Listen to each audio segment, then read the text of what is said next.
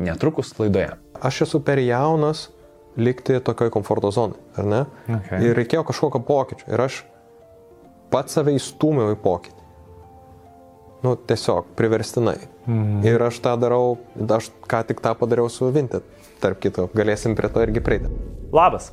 Man labai smagu, kad prisijungi pasižiūrėti ar pasiklausyti jau 20-osios PIN istorijos. Gražus skaičius. Mus visą PIN komandą džiugina tai, kad pradėk iš naujo, prasidėjęs kaip podcastas, jau išaugo į judėjimą, prie kurio PIN kontribi prisijungia jau virš 330 sielų. PIN naujienlaiškio prenumeratorių skaičius tik ką viršijo 10 tūkstančių, o peržiūrų artėja prie pusės milijono. Kas yra PIN? Tai savo autentiško kelio paieška, kūrimas savo gyvenimo pagal savo taisyklės, tai nesitaiksnimas su status quo ir nuolatinis tobulėjimas. Jeigu jautiesi pasiklydęs gyvenime, galbūt pasirinkai ne tą profesiją, nesijauti savo rogėse, nepamiršk, kad bet kada gali pradėti iš naujo. Labai tikiuosi, kad PIN įkvėps ir tave.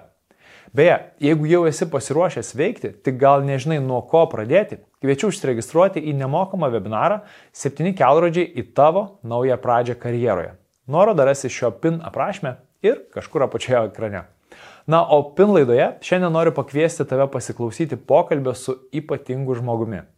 Ir man asmeniškai, nes jis buvo pirmasis mano mentorius ir Lietuvos startuolių bendruomeniai, nes jis buvo žmogus atvėręs duris Lietuvai kaip investavimui palankiai šaliai tarptautiniams investiciniams fondams. Jį drąsiai galima pavadinti pirmojo Lietuvos vienaragio, milijardo vertės startuolio krikštatėviu. Taip pat jis ypatingas visam Lietuvos verslo pasauliui. 18 tituluotas jauniausių Lietuvos verslininkų, šiandien jis yra vienas įtakingiausių ir turtingiausių Lietuvos verslininkų. Manto Mikutsko pin istorija kiek netipiška. Tradicinėme darbe jam teko dirbti labai trumpai, bet esu tikras, kad iš jo galime pasisemti labai daug. Ir bent trumpam pažvelgti į pasaulį jo akimis. Pokalbėje, kas įkvėpė man tą taip anksti susidomėti verslu, kodėl kompiuteriai apie pirmojo verslo savo kūdikio pardavimą, pažinti su mano drabužiai LT įkūrėjais, vadovavimą, tobulėjimą, knygas ir specialiai kontribį bendruomeniai, kokie esminiai globalūs pokyčiai jau vyksta pasaulyje, tik dauguma mūsų dar to nematom. Man tas sako, kad tie pokyčiai prilyginami internetui 1990-aisiais. Aš esu Aurimas Mikalauskas ir čia laida Pradėk iš naujo.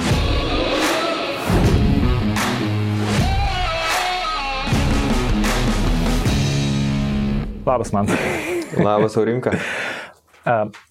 E, iš tikrųjų, tai bus šiek tiek netipinė pradėk iš naujo istoriją su tavim, nes e, pasakysiu dėl ko. Įprastai svečiai, kurie lankosi čia, jie yra dažniausiai kažką labai reikšmingai pakeitę savo karjeroje, galbūt santykiuose, galbūt nu kažkokioje srityje, kur tu mano istoriją žinai, irgi, žinai, aš dirbau ilgą laiką samdomą darbą ir man toks buvo, ne, viskas, aš esu pasiruošęs eiti į verslą ir ten atsirado idėja, kuri man labai mhm. patiko.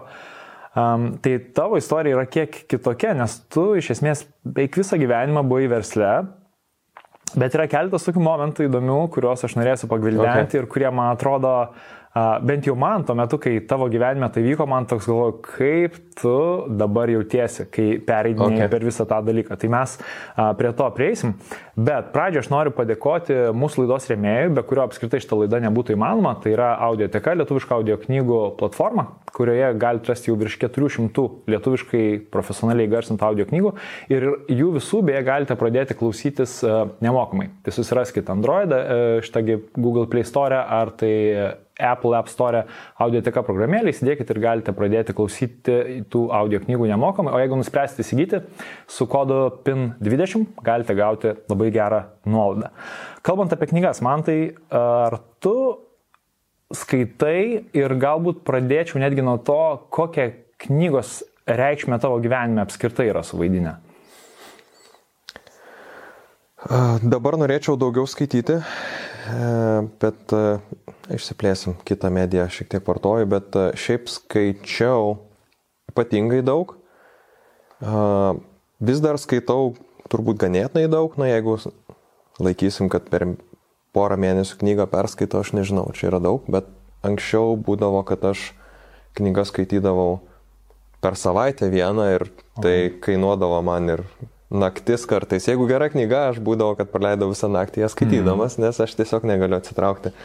Tai aš manau, kad knygos uh, turbūt turėjo kokią 60 procentų mano asmenybės formavimo įtakos. Oho.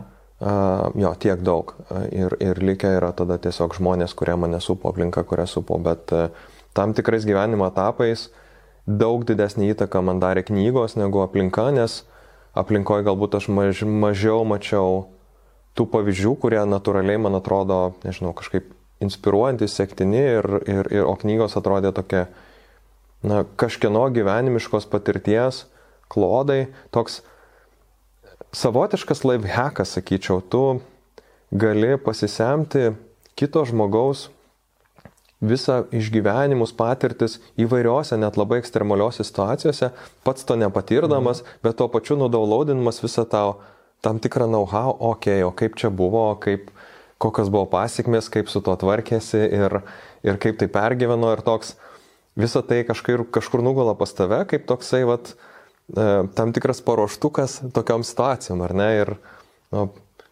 iš tos pusės man pasirodė, kad tai yra unfair advantage skaityti knygas ir gauti tą patirtį versus perėti ją per save, savo klaidas, kas, kas labai daug gali kainuoti. Žinai, nesakau, kad neperėjau, perėjau kitus dalykus, kurių galbūt knygose nebuvo, A. arba buvo, bet taip gerai neįsiminiau, bet bet labai labai daug davė ir iš tiesų pavydžiu savo, tai kai buvo laikai, kai aš kažkaip tai daug daugiau dėmesio skirdavau grožiniai literatūrai ir paskutiniai 15 metų buvo pas mane super technokratiški, bet gal čia aplinkybės man reikalavo, kad aš tiesiog turėjau labai stipriai atnaujinti savo žinias, kad tai, ką aš darau, neperauktų manęs greičiau, negu aš spėju su tuo, ar ne? O, o iššūkis buvo labai didelis, tai tiesiog laiko prasme aš sunkiai mačiau,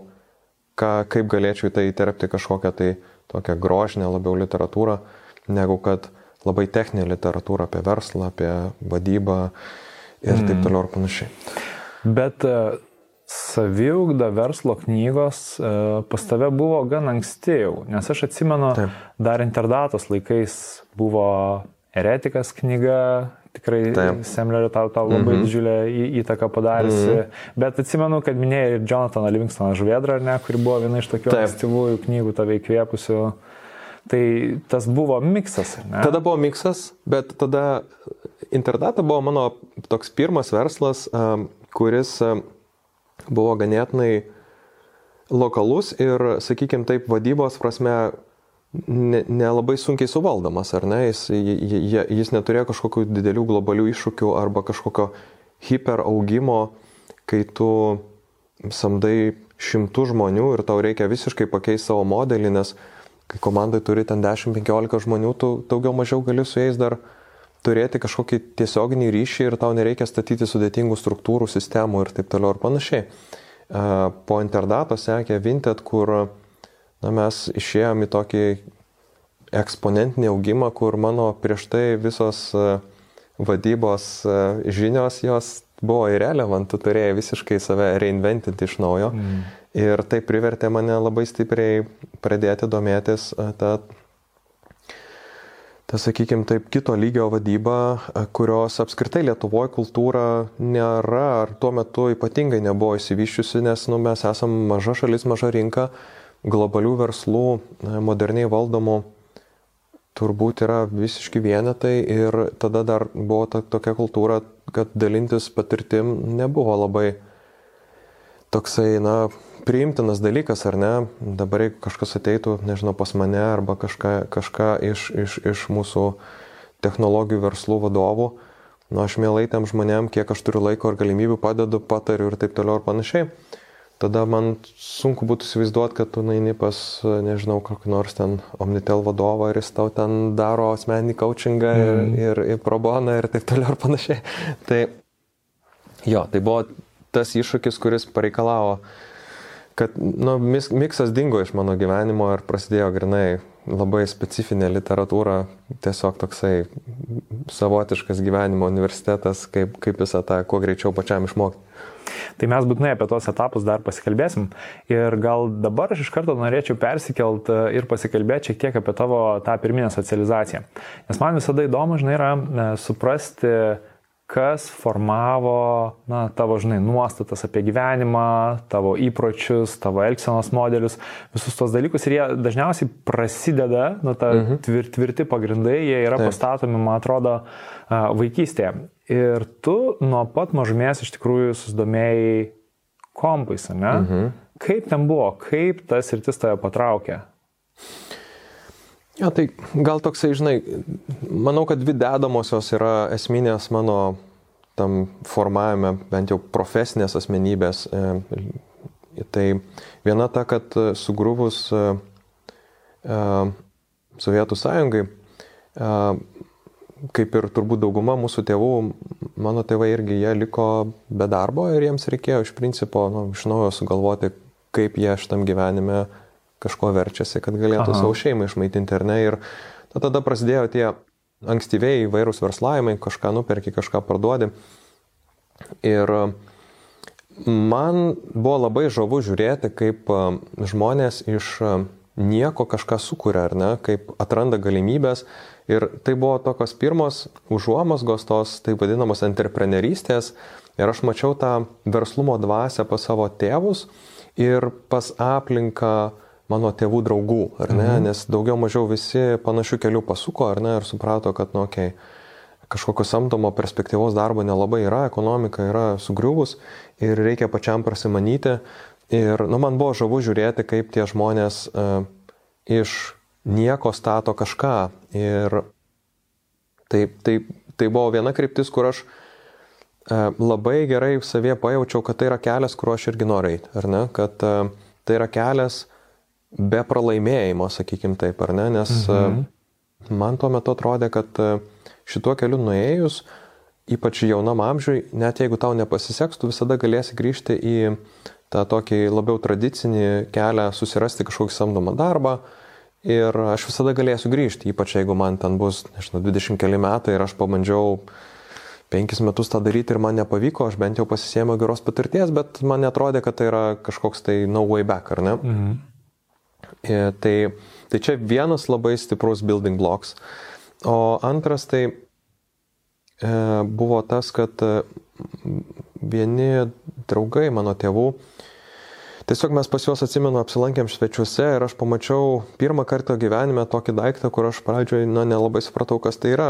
Čia kažkoks, nežinau, įmantrus televizorius, kažkokiais priedais ar kas, stovi monitorius, klaviatūra ir, ir, ir toksai blokas kompiuterio. Ir e, aš e, to šeimininko paklausiau, kas tai yra, kad parodytų, kaip čia kas veikia ir taip toliau panašiai. Ir tai buvo darbinis IBM XT uh, kompiuteris uh, su MS-DOS sistema ir, ir jis man pradėjo ten rodyti, kaip čia kas ir man kažkoks, aš pamačiau kažkokį stebuklingą daiktą. Man sunku net paaiškinti, bet uh, Mane tai, man tokį didelį įspūdį paliko tai, kad tu ten įrašai kažkokią komandą ir jis kažką padaro ir jis ir jam tu gali kažkokią komandų seriją par, pa, padaryti ir suprogramuoti kažką ir, ir, ir taip toliau ir panašiai. Ir nes e, jeigu taip pasižiūrėti dar paraleliai, tai buvo jau atsiradę tie žaidimų kompiuteriai, ar ne, ten su visokie ten zilitonai ir taip toliau ir panašiai. Aha.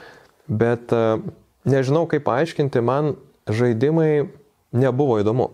Aš, mano draugai žaisdavo, aš ten kažkiek prisijungdavau, bet taip, nu, kažkiek pažaidė, bet jokios nebuvo potraukio aistros, kad čia kažkas tai įdomaus. Įdomiausia dalis man būdavo žaidimuose, kai reikėdavo ten perrašyti iš vieno į kitą iš tų kasečių, tai man būdavo įdomu, nes čia kažkoks procesas, kažką reikia čia atitaikyti, pajungti ir taip toliau mm. sujungti.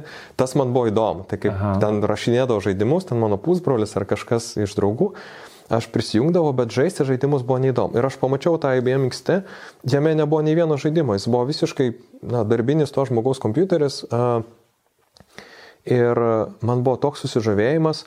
Ir nuo to laiko aš pradėjau tėvam daryti didžiulį spaudimą, kad važiuokim į svečius vat, pas tuos draugus, nes aš tiesiog noriu prie to kompo pasėdėti, nes man žiauriai įdomu. Okay. Ir aš tokiu, žinai, mokiausi tokiu būdu, kad kažką ten padarai ir žiūri, kas atsitiks, nes tu žalio supratimo neturi, kaip čia ko naudotis, ar ne, ir tiesiog tokiu trial and error būdu, žinai.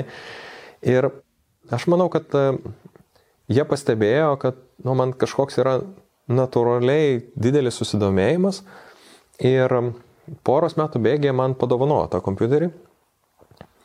Nu ir tada prasidėjo mano kelionė su kompais, nes e, kai aš jau jį turėjau namuose, tada ten kažkokios dar literatūros gavau. Ir Žinai, sustokim truputėlį šitą vietą, e, e, nes tikrai bus įdomu pratesti šitą liniją, bet vat, tu paminėjai, kad tavo tėvai pamatė tokį natūralų susidomėjimą. Ir man įdomu, kaip mhm. šitoj vietoj nesumaišyti. Žinai, vienas, aišku, iš elementų yra tai, kad tu su juo nežaisdavai, tu kaip ir tokius darbinius, žinai, Jop. tikslus iškart kel, keldavaisi.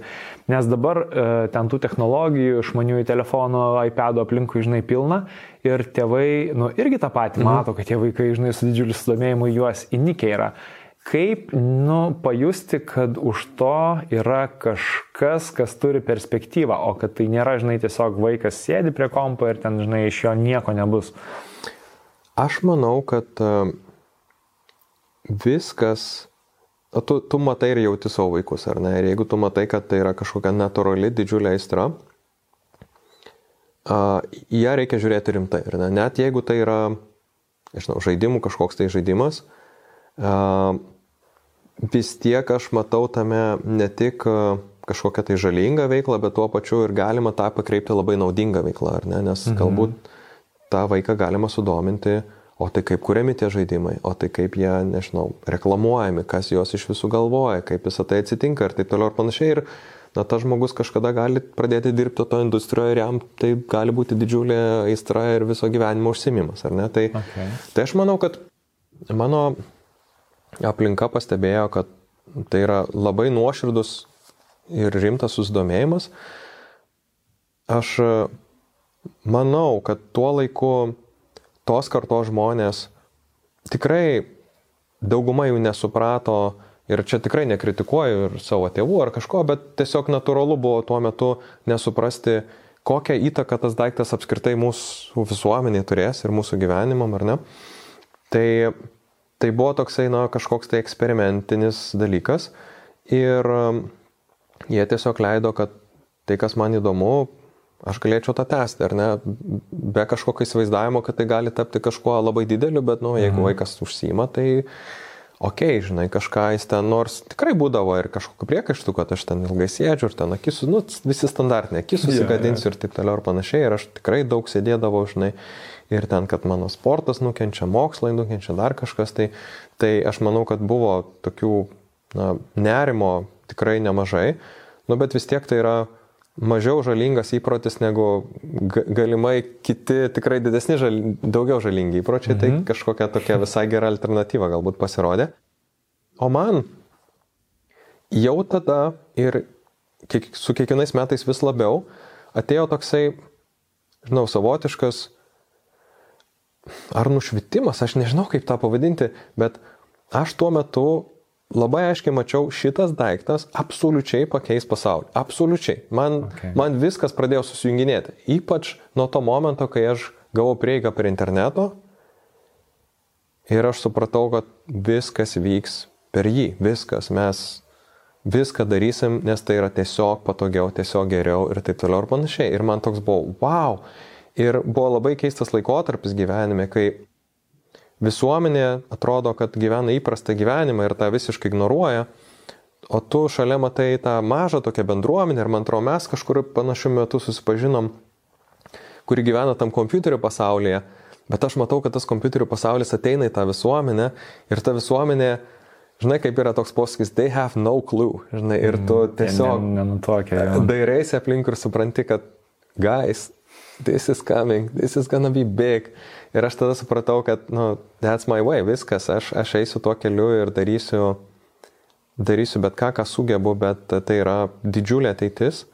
Ir, žinai, smagu tam tikrą prasme matyti, kad by large aš buvau teisus, mano tas vat, intuityvus spėjimas, tai kas dabar vyksta, man atrodo, mm. taip ir turėjo būti, žinai. Yeah.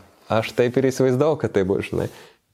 Ir dar yra įdomus dalykas, bet čia gal galėsim vėliau prieiti. Aš manau, kad mes išgyvenam šiandien antrą laikotarpį, kai ateina dar vienas tokio pačio dydžio virsmas ir, again, aš turiu tą patį jausmą, they have no clue.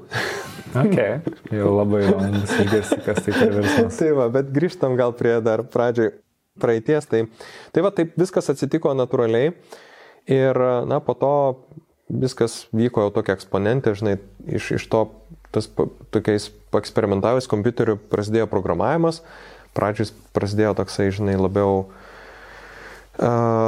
ant, ant, ant pačio kompo, ten su Basic'u, Pascaliu, o po to, kai atsirado internetas, prasidėjo web visos aplikacijos, visi ten Linux'o mūsų reikalai, mm. FreeBSD reikalai ir taip toliau ir panašiai. Ir, nu, viskas. Uh, aš nemačiau kelio atgal. Gerai, e, dabar iš to vietoj porą dalykų noriu pasikalbėti. Tai pirmas, tu jau paminėjai, kad vienas iš tokių statomų blokų, ar ne, buvo tavo e, tas, kad tu matei savo verslius tėvus. Taip, ne? ir aplinka, ir tą jo, visą entrepreneurystės dvasę. Ir, ir, ir va čia įdomu, žinai, nu kaip, manau, kad tu nesi vienintelis, žinai, kuris taip matei savo tėvus, bet jūs galėjot matyti visai skirtingą paveikslą. Taip. Ir, ir va čia man įdomu, kodėl taip nutiko, kaip tu jauti, kas buvo tie tokie elementai. Žinai, ar tavo tėvai ten kalbėjo su tavim, ar jie pasakodo, kas vyksta, ar tu tiesiog iš šalies, žinai, stebėjai, nu, kodėl pas tai neatsirado baimės, ar dėl to, kad jiems sekėsi, nes ne visiems, žinai, sekėsi verslas, uh, vat kaip pas tave taip buvo, kad vis tiek tu galvoji, ne, vat verslas yra tai, kas, kas man. Žinai, aš galiu bandyti racionalizuoti, aš manau, kad buvo daug pasąmoninių faktorių, kuriuo aš tiesiog iki šiol dar turbūt nesuprantu ir nesuprasiu. Ir, ir tiesiog taip atsitiko, žinai, bet uh, turbūt keletas yra vėlgi momentų, kuriuos aš ganėtinai gerai at, atkuriu ir suprantu, kad jie turėjo labai daug įtakos. Tai viena, aš uh, nuo pat uh, vaikystės labai vertinau laisvę ar laisvės jausmą ir pasirinkimo laisvę. Man tai buvo kažkokia ypatingai svarbi vertybė ir, mhm. ir, ir dalykas. Uh, ir aš mačiau savo aplinkoje, va tėvose, kad jie nors dirba beprotiškai daug, turbūt dvigubai daugiau ir sunkiau negu kažkokia tai, nežinau, standartinė um, šeima, kuri, kuri, kuri turi samdomą darbą, ar ne? Uh, nes na, mano tėvų penktą valandą namuose nebūdavo, jie būdavo užsiemę, dažnai išvykę kažkur, tai aš būdavau su seneliais ir taip toliau ir panašiai, bet to nematau kaip blogybės, man, man tai davė tam tikro irgi savarankiškumo pamokų. Aha. Jo, ir aš mačiau tą juose laisvę, kad jų nieks neprivertė taip sunkiai dirbti, čia yra pasirinkimas, Ir iš to pasirinkimo sakė kiti dalykai, ką tu gali po to savo leisti, e, kaip tu gali visą tai planuoti, kad gali savo pasakyti, na, aš pavargau, dabar savaitę atostogausiu ar ne, ir, ir taip toliau ir panašiai, visi pasirinkimo laisvės mhm. atsirado. Ir aš irgi supratau, kad tai yra ypatingai svarbus komponentas, kurio aš norėsiu savo gyvenime. Aš norėsiu turėti pilną pasirinkimo laisvę, kaip kas vyksta ir, ir, ir tai mačiau kaip kelią tai gauti Bet kaina, kur aš mačiau, kad jeigu tai nori gauti, tu turėsi, na, beprotiškai stipriai atsiduoti ir labai sunkiai dirbti. Nes tai yra sunkus kelias. Tai yra prieš, žinai, tu, tu eini ir kažką bandai sukurti tokio kapitalistinėje aplinkoje, kuri, nu, nėra labai galestinga. Jis tiesiog, tu turi padaryti, ne šiaip padaryti, tu turi padaryti geriau negu kiti, kad kažkas gautųsi, ar ne? Yeah. Geriau negu, o tie kiti darykim prielaidą, kad jie taip pat stengiasi ir įdeda maksimales visas pastangas ir laiką ir taip toliau ir panašiai, tai tu turi padaryti geriau negu tie, kurie labai stengiasi, ar ne? Okay. Tai aš šito supratau, bet tai manęs visiškai negazdino ir aš pagalvojau, okei, okay, bus labai įdomu pasižiūrėti, kur, kur yra mano ribos, kur mano sugebėjimai ir tai yra kitas dalykas, kuris man labai patinka, tai mokymosi greitis ir ta kreivė tobulėjimo, ar ne? Tai va šitoje aplinkoje aš mačiau, kad tu esi įmestas į aplinką, kurioje na, neįmanoma išlikti, jeigu tu aptinksti ir atsilieki ir taip toliau ir panašiai. Jo. Ir aš pagalvojau, kad tai bus taip sveika man pačiam būti tokioje aplinkoje, nes tiesiog jinai mane įpareigos būti on top, visada on top of things, ar ne? Ir uh, nu, tai tu save vat, įdedi į tokią aplinką, kuri kartais tau, jo, spaudžia šonus, ten nėra komfortiška, žinai, ir kainuoja gal ir kažkada ner, kažkiek tai nervų ir sveikatos.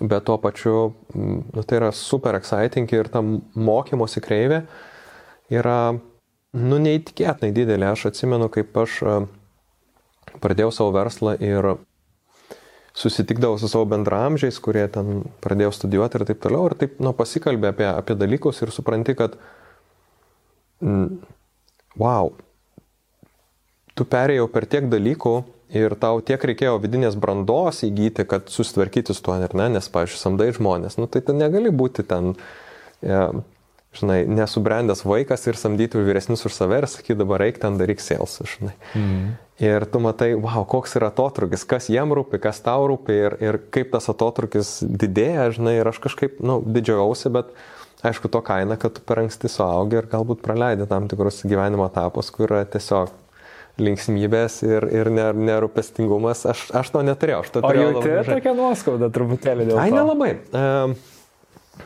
kažkada jaučiau, bet, e, bet aš galvoju, galiu dabar tą daryti. jeigu noriu. O ar nori? Ai, kartais, žinai, būna tokių linksmų uh, išėjimų su draugais, tai pagalvoju, kad, nu, tai va, tau čia kompensacija, žinai, bet tu didžiuojas to pačiu, ką pasiekė, tai kaip ir nieko nebeauko labai smarkiai dėl to, žinai. Tai, o jeigu iš ryto būna gėda dėl vakaro, tai vakaras visai pavykęs.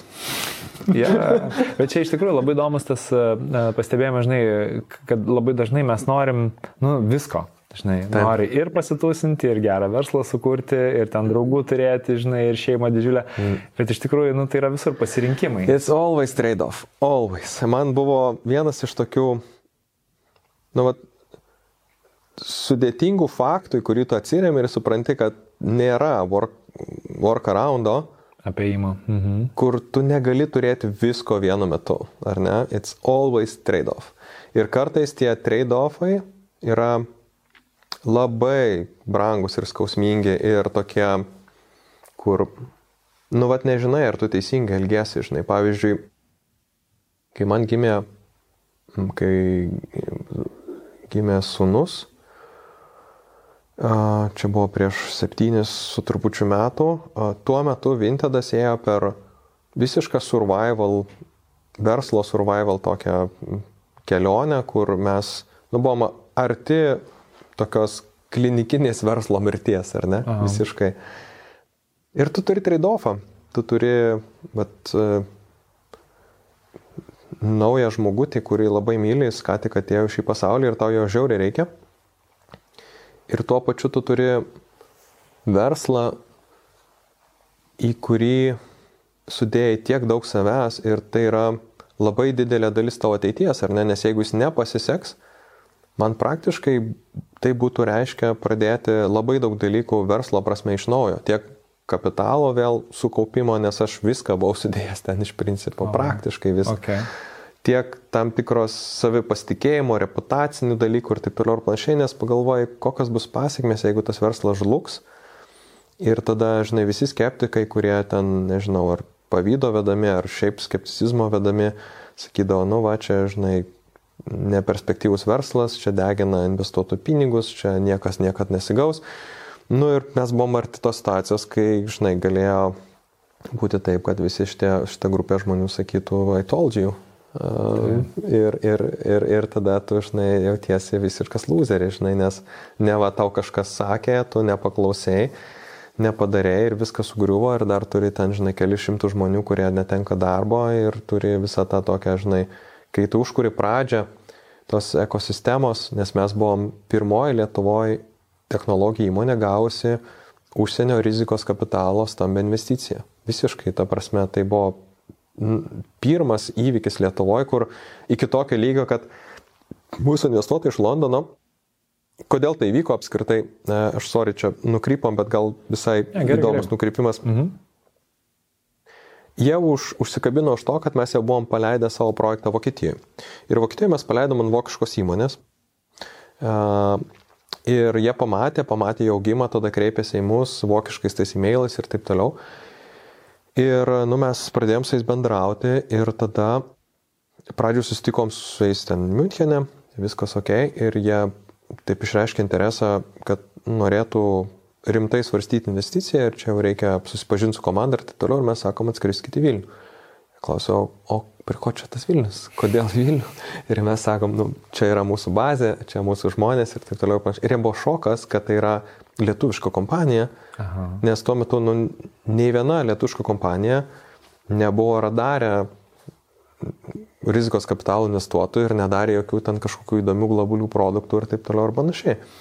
Tai, tai žodžiu, long story short, kad jie padarytų investiciją į mus, jiems reikėjo pasidaryti Lietuvos due diligence. Lietuvos tai okay. reiškia teisinės bazės, politinės aplinkos ir taip toliau, nes jiems reikėjo, jie, žinai, yra atsidarę tam tikras teritorijas, kur yra investable teritorijos. Tai yra na, pakankamai stabili politinė aplinka, pakankamai stabili statinė bazė ir taip toliau ir panašiai, nes yra teritorijos, kurie tiesiog sako, nu, it's not investable, ar ne? Aha. Ir viskas. Mes čia šitam regione per daug nestabilus regionas neinvestuojam. Tai, tai Lietuvoje pasisamdė keletą, man atrodo, top kontorų, nusintė ten labai didelį klausimyną ir bandė įsiaiškinti, ar šitą aplinką jiems iš vis tinka investuoti, ar ne. Tai pradžioj praėjo tą barjerą okay. ir mes tada atidarėm Lietuvą kaip investable venture kapitalistam iš Londono ir tada jau jie žiūrėjo mūsų įmonę ir sako, okei. Okay.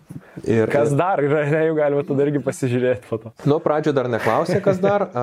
Pradžio mes praėjom savo ten visą due diligence, bet, bet jo, eiliai metų praėjus, pamačius, kad lietuviai yra talentingi ir gali skurti tos produktus, Tai va dabar jau labai aktyviai klausinėja, kas dar ir ten darau įvairius mm. intro ir taip toliau ir panašiai, bet, bet tada mes buvom nu toks visiškas wild card ir jeigu ne tas Vokietijos toksai labai perspektyvus augimas, e, kas jiem kaip ir, nu, jie užmerkė akis prieš daug dalykų, tai, nu, ne, nebūtume mes čia nieko gavę.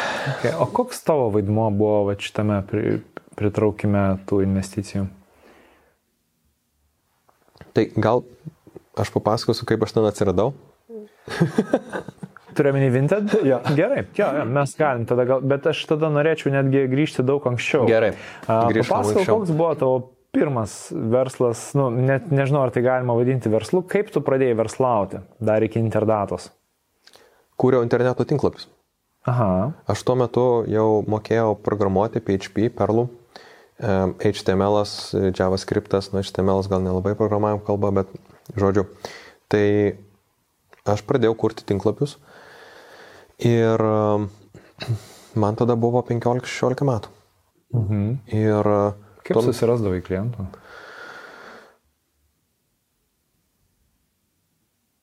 Žinok, labiau jie mane susirasdavo negu aš juos. Okay. Bet e, būdavo iš įvairiai, nes tuo metu jau buvo atsiradę viena kita tokia interneto tinklapių kūrimo įmonėlė ir jie mane samdydavo kaip e, laisvai samdoma tokį freelancerį, ar ne, tam, kad aš kažką suprogramuočiau iš principo, ar ne? Okay. Tai va, tai, tai čia vienas sorsas buvo, bet po to, kai, e, žinai, pasklido kalbos, kad aš darau, tai būdavo įmonės, kurios tiesiai kreipėsi ir sako, ar tu gali viską padaryti, žinai, iš principo. Ir, ir, ir tai, tai buvo tokia pati, pati pradžia. Uh, Bet tuo metu, Aurimai, tu atsimeni, ten žmonių suprantančių, kaip tą daryti, buvo, nu, kiek keliasdešimt Lietuvoje, tai. maksimum. Tai nu, nelabai buvo ir konkurencijos, aišku, ir poreikis nebuvo toks didelis, ten nepuolė kiekviena įmonė savo tinklą padarytis, bet po to atsirado tas aukso amžius, kai puolė visi darytis, bet aš jau tada nuėjau kitus dalykus. Ir tada labai natūrali buvo tas žinai, nes aš sukurdavau kažkokią tai ten e, interneto svetainę ar kažkokią tai mini aplikacijas. E, e, turiuomenį su kažkokiais tai funkcionalumais, truputėlį gudresniais, kaip ten kažkoks turinio valdymas ir taip toliau ir panašiai. Ir aš pamačiau kitą dilemą, kad tie tinklapiai, nu jie kažkur turi būti patalpinti serveryje, kad jie veiktų, ar ne? Ir tuo metu, kadangi toks buvo mažas poreikis tų interneto tinklapių ar elektroninio pašto adresų, tai kažkaip ta industrija buvo visiškai Lietuvoje neįsivyščius. Ir aš natūraliai mačiau problemą, kad, nu, o kur jį dabar padėti, kad jis normaliai funkcionuotų, bet ten didelių sutrikimų, pertraukimų ir taip toliau ir panašiai. Ir žinok, taip atsitiko labai įdomiai, kad aš sujungiau du tokius taškus. Vieną, kad aš namuose turėjau uh, gerą nuolatinį internetą, bet gerą ne download speed. Download speedas buvo ten toks, ok, average, bet aš turėjau unlimited uploadą, nes tuo metu niekas neribojo uploadų, nu, tipo, why? Yeah, yeah. Uh, what's the point? Ten torentų nieko dar nebuvo tuo metu, ar ne? Tai aš išversiu lietuvių kalbą, tai tiesiog e, greitis, kuriuo atsisiunčia į tavo kompiuterį, jisai buvo ribojamas, bet nebuvo ribojamas kokiu greičiu išsiunčiama iš tavo kompiuterio. Tai yra, jeigu kažkas kitas siunčiasi iš tavo kompiuterio duomenis, tai tai buvo be jokių apribojimų. Ja, tai aš šitą pamačiau, atradau ir tada supratau, kad mano kompiuteris gali tapti serveriu. Ir um, Ir aš galiu ten patalpinti tas, tuos tinklapius, tai aš uždirbsiu ne tik iš jo sukūrimo, bet ir kiekvieną mėnesį dar gausiu įplaukų už tai, kad jis pas mane būtų, žinai. Ir taip atsitiko mano... Taip, 99, kada? Taip, čia 98-99, įsivaizduok, mano desktopinis kompiuteris įjungtas 24-7. Um, ir aš ten hostinu interneto tinklapius pas save namuose. Ir taip gimė užuomasgos e, interneto svetainių talpinimo verslo, kur na, aš pamačiau tame galimybę iš tiesiog poreikio buvimo ir pasiūlos nebuvimo. Mhm. Ir kažkaip pagalvojau, kad tai yra turbūt perspektyviau negu kurti tinklapius, nes tinklapių kūrimas buvo labai ribojantis faktorius, buvo mano darbo valandos, tai buvo tam tikras amatas. Mhm. Ir aš visada galvodavau, čia, čia kita dar mintis, e, paralelinė tokia. Aš tuo metu, kai kurdavau tos tinklapius, aš dirbau dar keliose įmonėse. Beje, įdomi inovacija, tais laikais 98-99 aš remautų dirbdavau, nes aš mhm. buvau Mariampoliai, o aš dirbdavau Vilniaus įmonėms Aha. ir ten vienoje įmonėje prižiūrėjau, padėjau prižiūrėti tinklą, tarnybinės stotis, kito įmonėje ten įvairiais dalykais irgi užsienėdavo internetiniais. Ir um, tos įmonės man buvo labai geras toksai langas į, į tokį vidinę virtuvę to laikmečio įmonių ir vadybi, vadybos visos sistemos, ar ne? Ir tas langas buvo labai man įdomi patirtis. Iš tos pusės, kad e, aš mačiau labai fainus kolegas žmonės, iš kurių galėjau labai daug išmokti, bet tuo pačiu aš mačiau vadybą ir e, vadovus, kurie vadovavo stiliumi, kurio aš niekaip nesupratau, kodėl toks stilius apskritai make sense. Nes tai buvo labai autokratiškas, labai nuleidžiant, žinai, tokius įsakymus, bet eisi darysi tą, tą, tą, jokio abipusio dialogo aš nemačiau, mm. mačiau, žinai, Nu, nuleistus orderius, reikia padaryti tą, tą, tą, tą, tą. Ir jokio tokio šilto santykio, bendravimo ir taip toliau ir panašiai. Ir aš, ir aš mačiau, kad mano kolegos, kuriais aš dirbu tos įmonėse, nėra dėl to laimingi. Ir jie kaip ir turi darbą, techninė prasme jiems įdomu tai, ką jie daro. Bet žmogiškąją prasme jie tokie kažkokie tai nuliūdę, susirūpinę, stresuoja.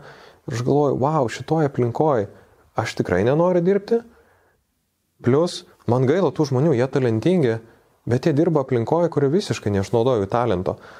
Ir tada man labai aiškiai gimė tokia mintis, kad aš noriu turėti savo įmonę ir aš noriu turėti kitokią vadybos sistemą, kuri žmonėm duotų laisvę ir aplinką, kurioje jie puikiai jaučiasi ir gali išnaudoti savo talentą ir, ir taip toliau ir panašiai.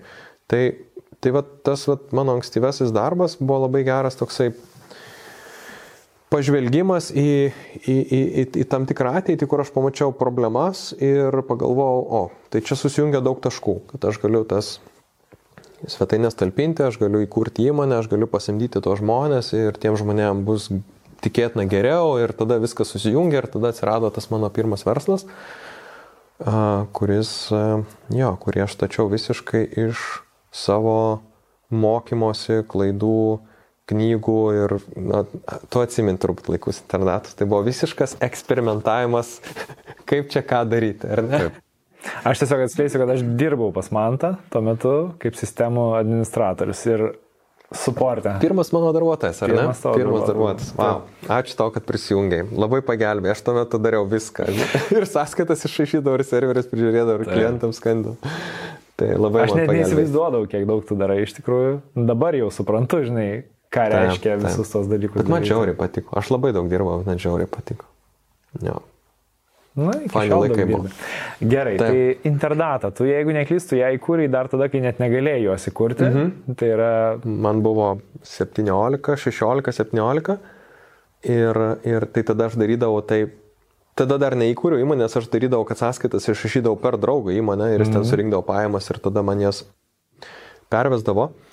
O kai man suėjo 18, aš tą pačią dieną įkūriau įmonę e, ir atsimenu, žurnalistas skambino ir sako, o tai tu čia mm, tapai jauniausiu direktorium Lietuvoje.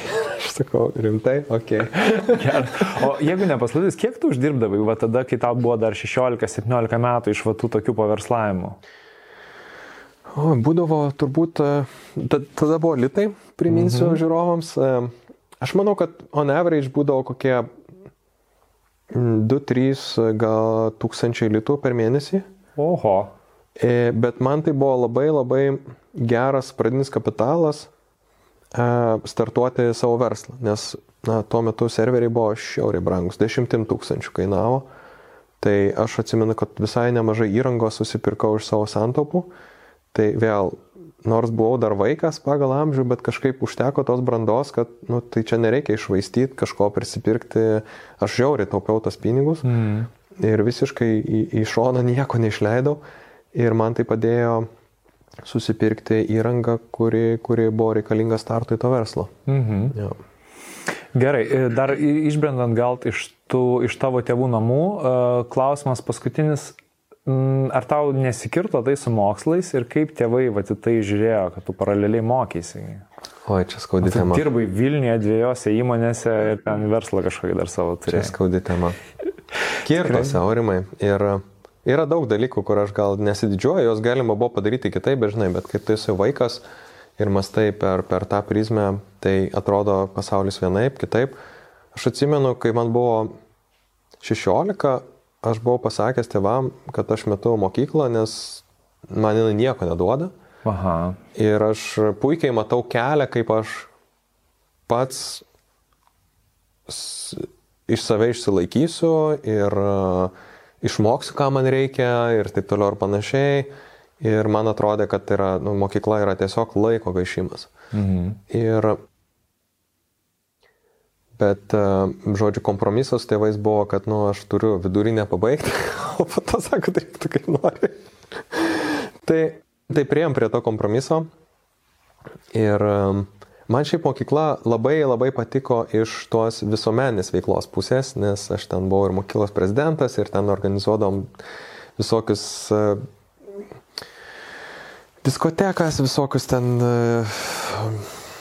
eventus ir taip toliau ir panašiai. Tai iš tos pusės man super patiko, nes tai buvo pirmos mano vadybos pamokos, kaip mm. suorganizuoti renginį, pažiūrėjau, mokyklą, pažiūrėjau, mokytų dieną, kaip suorganizuoti. Ar atsimenu vieną mokytų dieną, ten kartu su kitais mokiniais tokius organizavom, kad mokytojai atėjo, dėkoju, sako, mes gyvenime tokios geros neturėjome, čia wow. Ir aš, aš taip didžiavausi, ten komanda ir kad mes čia sugalvojom visą koncepciją ir padarėm ir taip toliau panašiai, buvo pirmos vadybos pamokos, ar ne? Tai ta pusė mokyklos man atrodo žiauriai naudinga ir įdomi, ar ne? Jo. Ar ten diskoteka, kai reikia suorganizuoti, tai tau reikia ten nu, suvesti finansinius galus, nes tu ten išnuomoji aparatūrą, reikia surinkti bilietus, ten pareklamuoti. Nu, žodžiu, visą vadybą reikia padaryti, ten susitar su kažkuo, ten dėl leidimų, dėl salės, dar kažkur taip toliau ir panašiai. Tai, tai šita dalis man žiauriai patiko, bet mm, tiesiog uh, pačios pamokos, uh, tai labai depends. Uh, Bet čia aš matau dabar taip retrospektyviai pažiūrėjus, kad labai depends dėl nuo mokytojų labai priklausė, žinai, nes kai kurie sugebėdavo taip tikrai įtraukti ir būdavo įdomu, kai kur tu jausdavai, kad tiek mokytas iš pareigos tave veda, nes jam reikia tą padaryti, tiek tu tiesiog esi tempiamas iš tos pareigos ir kažką reikia dėl, dėl popieriaus, dėl fakto padaryti, bet ne dėl turinio ir mane tas turinys prieš formą, nu mane, arba formą prieš turinį, nu, mane taip žudydavo, aš, aš jau, jau buvau pajautęs tą laisvę, žinai, ir toks, wow, čia, čia taip against, žinai, kaip aš matau tą pasaulį ir, ir žodžiu. Tai buvo sunku. Okay. Bet it's ok. At, atlaikėm, padarėm, atsiprašau visų mokytojų už savo Niekšybės. Nu, jo, aš buvau di- didelis toks protestantas, žinai, toksai, vat, kur bandydavo tą, tos dramblius kambarį parodyti, žinai, ir, O, ir, ir aš suprantu, kad mokytam. Nu, turėjo būti sunku. Sunku buvo, yeah. žinai, ir nu, jie irgi nebūtinai, žinai, vien, vien jie dėl to yra kalti, bet, a, bet nu, žodžiu, buvo kaip buvo, a, daug dalykų daryčiau kitaip. Bet dėja, yra kaip yra. Taip. Ok, ir dabar tu pradedi tada internatą, ne? Tai toks, nu, kaip pirmas tavo verslas, tu turi viziją, ne, vad papasakai, kad tu darysi kitaip, nes ten pamatėjai, kaip, kaip gali, žinai, kaip ta hierarchija, hierarchinė struktūra neveikia. Taip. Nu ir tu dabar bandai tą daryti pats. Kaip tau sekėsi tą daryti? Nu, toks. Manau, Rimai, tu geriau galėtum pasakyti, kaip man sekėsi tą daryti. A, Jeigu žiūrėti iš verslo pusės, mhm. tai manau, kad mums sekėsi puikiai, nes mes tapom lyderiaujančią įmonę šitam sektoriui, ar ne? Mes turėjom daugiausia klientų. Vienu momentu atsimenu, buvo toks fact check įdomus, kai aš pasižiūrėjau į top 100 lankomiausių interneto tinklapių Lietuvoje. Aha. E, Gemius buvo ten tokia sistema. Ir aš suskaičiau, kad 64 yra mūsų klientai iš top 100. Wow. Man atrodo, kad yra ko didžiuotis, nes ten artimiausias konkurentas turėjo gal ten 9 ir ten kiti po tos kažkaip patys pasirūpindavo. Mm, Tai, tai mes buvom lyderiai toje srity. Ir iš, tai, tai kažką pasako, ar ne? Reiškia, mes e, darėm dalykus gerai. A, Iš vadybinės pusės a, aš manau, kad padariau žiauri daug klaidų, bet nežinau, ar buvo įmanoma man išvengti, būtent 18-19, nepraėjus jokios vadybos mokyklos mm. modernios, nepadaryti tų klaidų, ar ne? Tai tiesiog, man atrodo, kad aš Bet to, jeigu aš, žinai, dėl mokyklos laikų matau, kad tokių padariau vaikiškų klaidų, kur, nu, buvo galima net to būnant amžiaus išvengti, tai dėl vadybinių dalykų internatai galbūt, sakyčiau, mažiau save kažkaip tai graužiu, nes, nu, aš įdėjau tikrai maksimalias pastangas. Ir, ką žinau, kažkas gavosi, man atrodo, kad e, su visais tai žmonėm labai gerai sutariu, labai juos visus myliu, e, labai daug kas padarė fainas karjeras.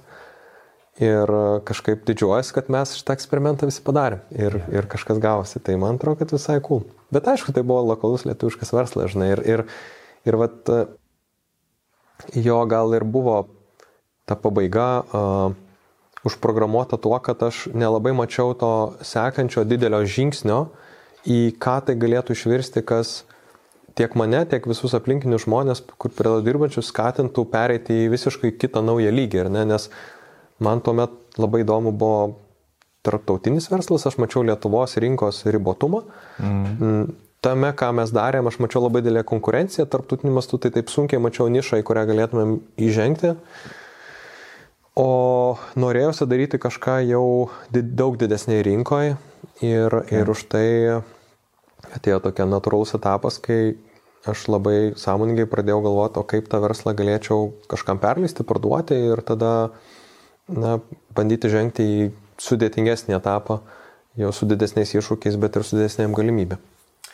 Gerai, aš to vietoj tik noriu sustoti dėl vieno dalyko, aš noriu tau padėkoti iš tikrųjų dabar viešai, nes e, iš tikrųjų man, man irgi interdata buvo nu, super mokykla ir, ir tu buvai super, ta prasme, toks ir mentorius, ir mokytojas, iš kurio aš labai daug pasisėmiau ir dabar, kaip žinai, e, dažnai galvoju, žinai, apie tas savybės, kurias aš įgyjau, kurias aš dabar turiu.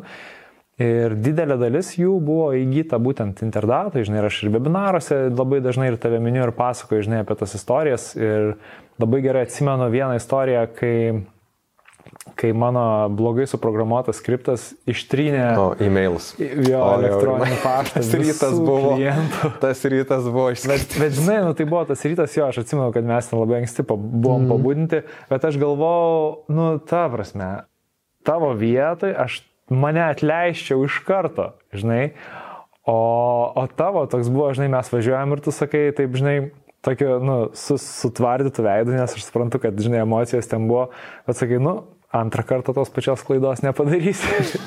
ir toks buvo, nu, jeigu aš pasamdysiu kitą žmogų, tai yra tikimybė, kad jis padarys tą klaidą, žinai, o tu jau tikrai jos nebepadarysi po viso to, žinai, kas įvyko.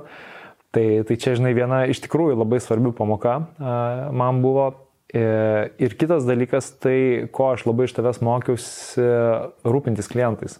Mhm. Pas tave tikrai buvo nu, labai labai aukštas standartas, kaip turi atrodyti kliento aptarnavimas ir tu labai, žinai, atkakliai moky mane, kaip tą daryti. Ir aš tą išsinešiau visur, žinai, ir, ir kaip konsultantas ilgą laiką tą nešiausi. Taip.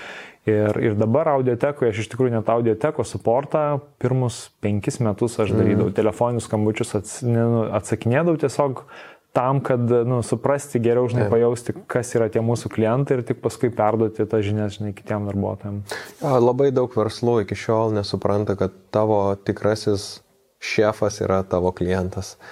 Ir um, gaila matyti, kaip mažai tam dėmesio skiria ir kaip neišnaudoja galimybių turėti ryšį su savo klientų baze ir tada atitinkamai ar paslaugą, ar produktą tobulinti, pasinaudojant to ryšiu, nes nu, klientai nėra vien tik tai tie, kurie iš tavęs kažko reikalauja, jie šiaip tau gali labai daug duoti, jie dažniausiai irgi myli tavo paslaugą ar produktą ir nu, nu, jiems natūraliai rūpi, ar ne, dėl to jie kreipiasi kažką, sako, mm -hmm. kažkokią kritiką ir, ir nuo to neišnaudojimas.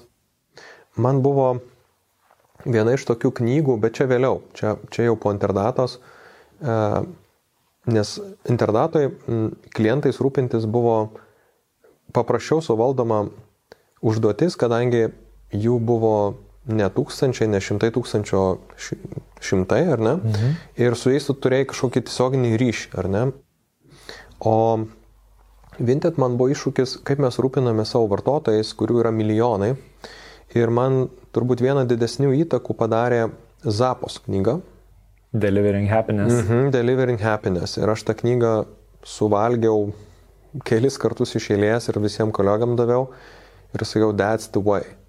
Uh, over deliverinti savo useriui, ar ne?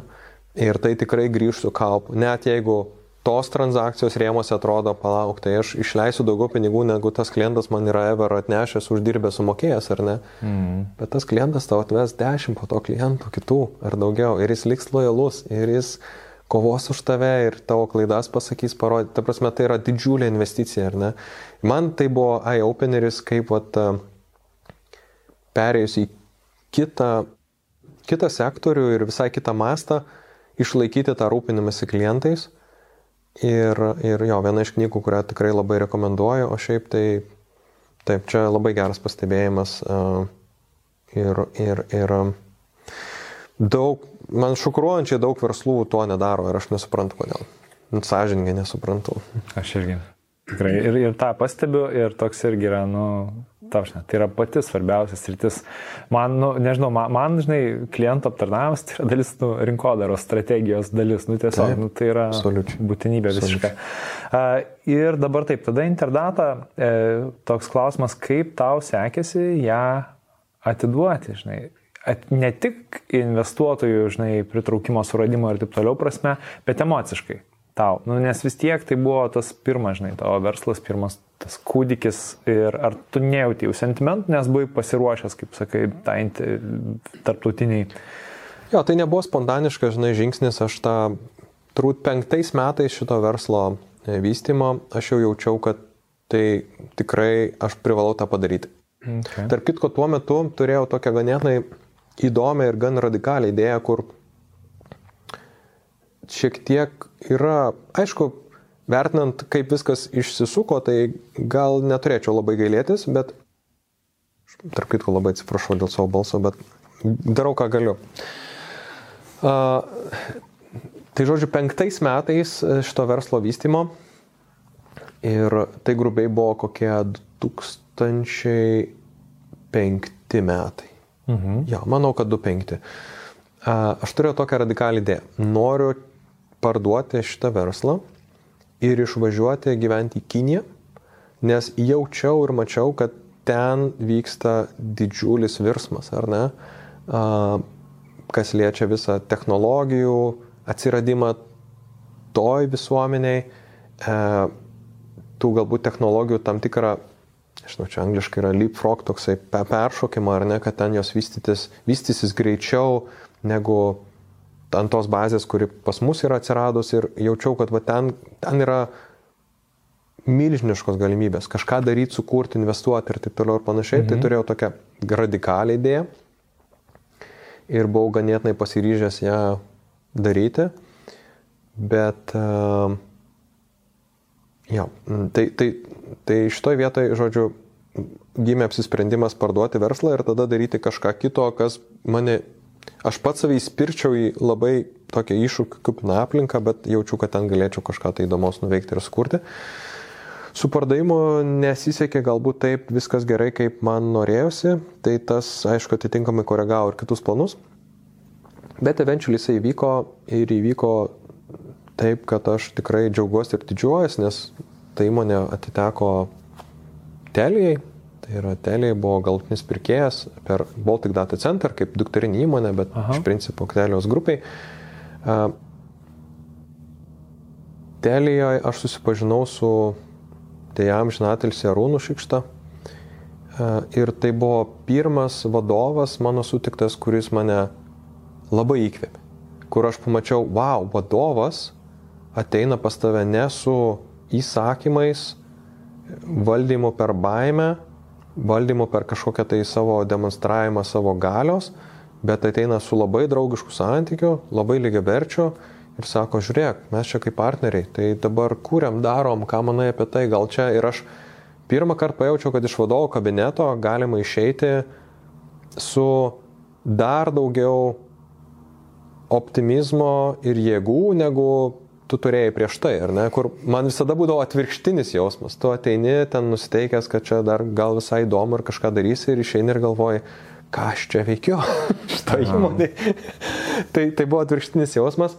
Tai buvo pirma tokia modernios vadybos pajūtimas, kad vat, yra modernių vadybininkų Lietuvoje ir labai įdomu iš jų kažką išmokti. Tai mane tada labai inspiravo, kad, okei, okay, aš norėčiau, kad norėčiau dirbti su juo, su, su šita įmonių grupe ir, ir tada man labai natūraliai atrodė, parduoti jiems yra labai geras žingsnis. Mhm. Ir tada aš porą metų, man atrodo, gal pusantrų metų praleidau toje aplinkoje E, dirbdamas su Arūnu, su, su kitais, e, padėdamas jiems įsigyti dar vieną įmonę Hosteksą, jie tada Aha. nupirko, čia buvo mano baidovai rekomendacija. Aš sakiau, žiūrėkit, mes kaip interdata tuos klientus turim todėl, kad mes jais žiauriai rūpinamės. Ko aš bijau, kad jeigu atiteks jūsų va, didelės organizacijos rankas, kuri tuo metu tikrai negarsėjo ypatingai dideliu dėmesiu ir meilę savo klientams, manau, kad Elė dabar kardinaliai pasikeitus ir aš mhm. esu jų klientas ir esu labai patenkintas. Kaip jie rūpina savo klientais, bet tada nu, ta kultūra buvo dar tokia sena. Tai mano baimė buvo, sakau, aš jums parduosiu gerą verslą, bet jūs tuos klientus išbarstysit, jeigu jais pradėsit rūpintis taip, kaip rūpina vis savo kitais klientais, ar ne? Ir tada Rūnas klausė, tai va, tai ką daryti? Sakau, mm, nu, sakau, bet yra kita įmonė, kuri irgi gerai moka rūpinti savo klientais ir jeigu taip viską paliksim kaip yra, tai jie tos klientus nuperims iš nupirktos įmonės pas save ir sakau, jūs busit nusipirkę nu tokią pustuštį verslą, žinai. Bet sakau, jeigu mes nupirktumėm tą įmonę, Ja. Ir ją tada sujungtumėm, sakau, nu praktiškai nelabai lieka konkurencijos, tie klientai nelabai turės kur eiti, plus uh, Hostexo vadovai, nes aš tuo metu labai aiškiai, aiškiai išreiškiau norą, kad aš noriu parduoti, perleisti ir išeiti, aš noriu daryti kitus dalykus, nenoriu dirbti didelė įmonė, korporacijai. Tai sakau, galbūt Hostexo vadovai sutiktų likti dirbti ir tada būtų labai gera tranzicija.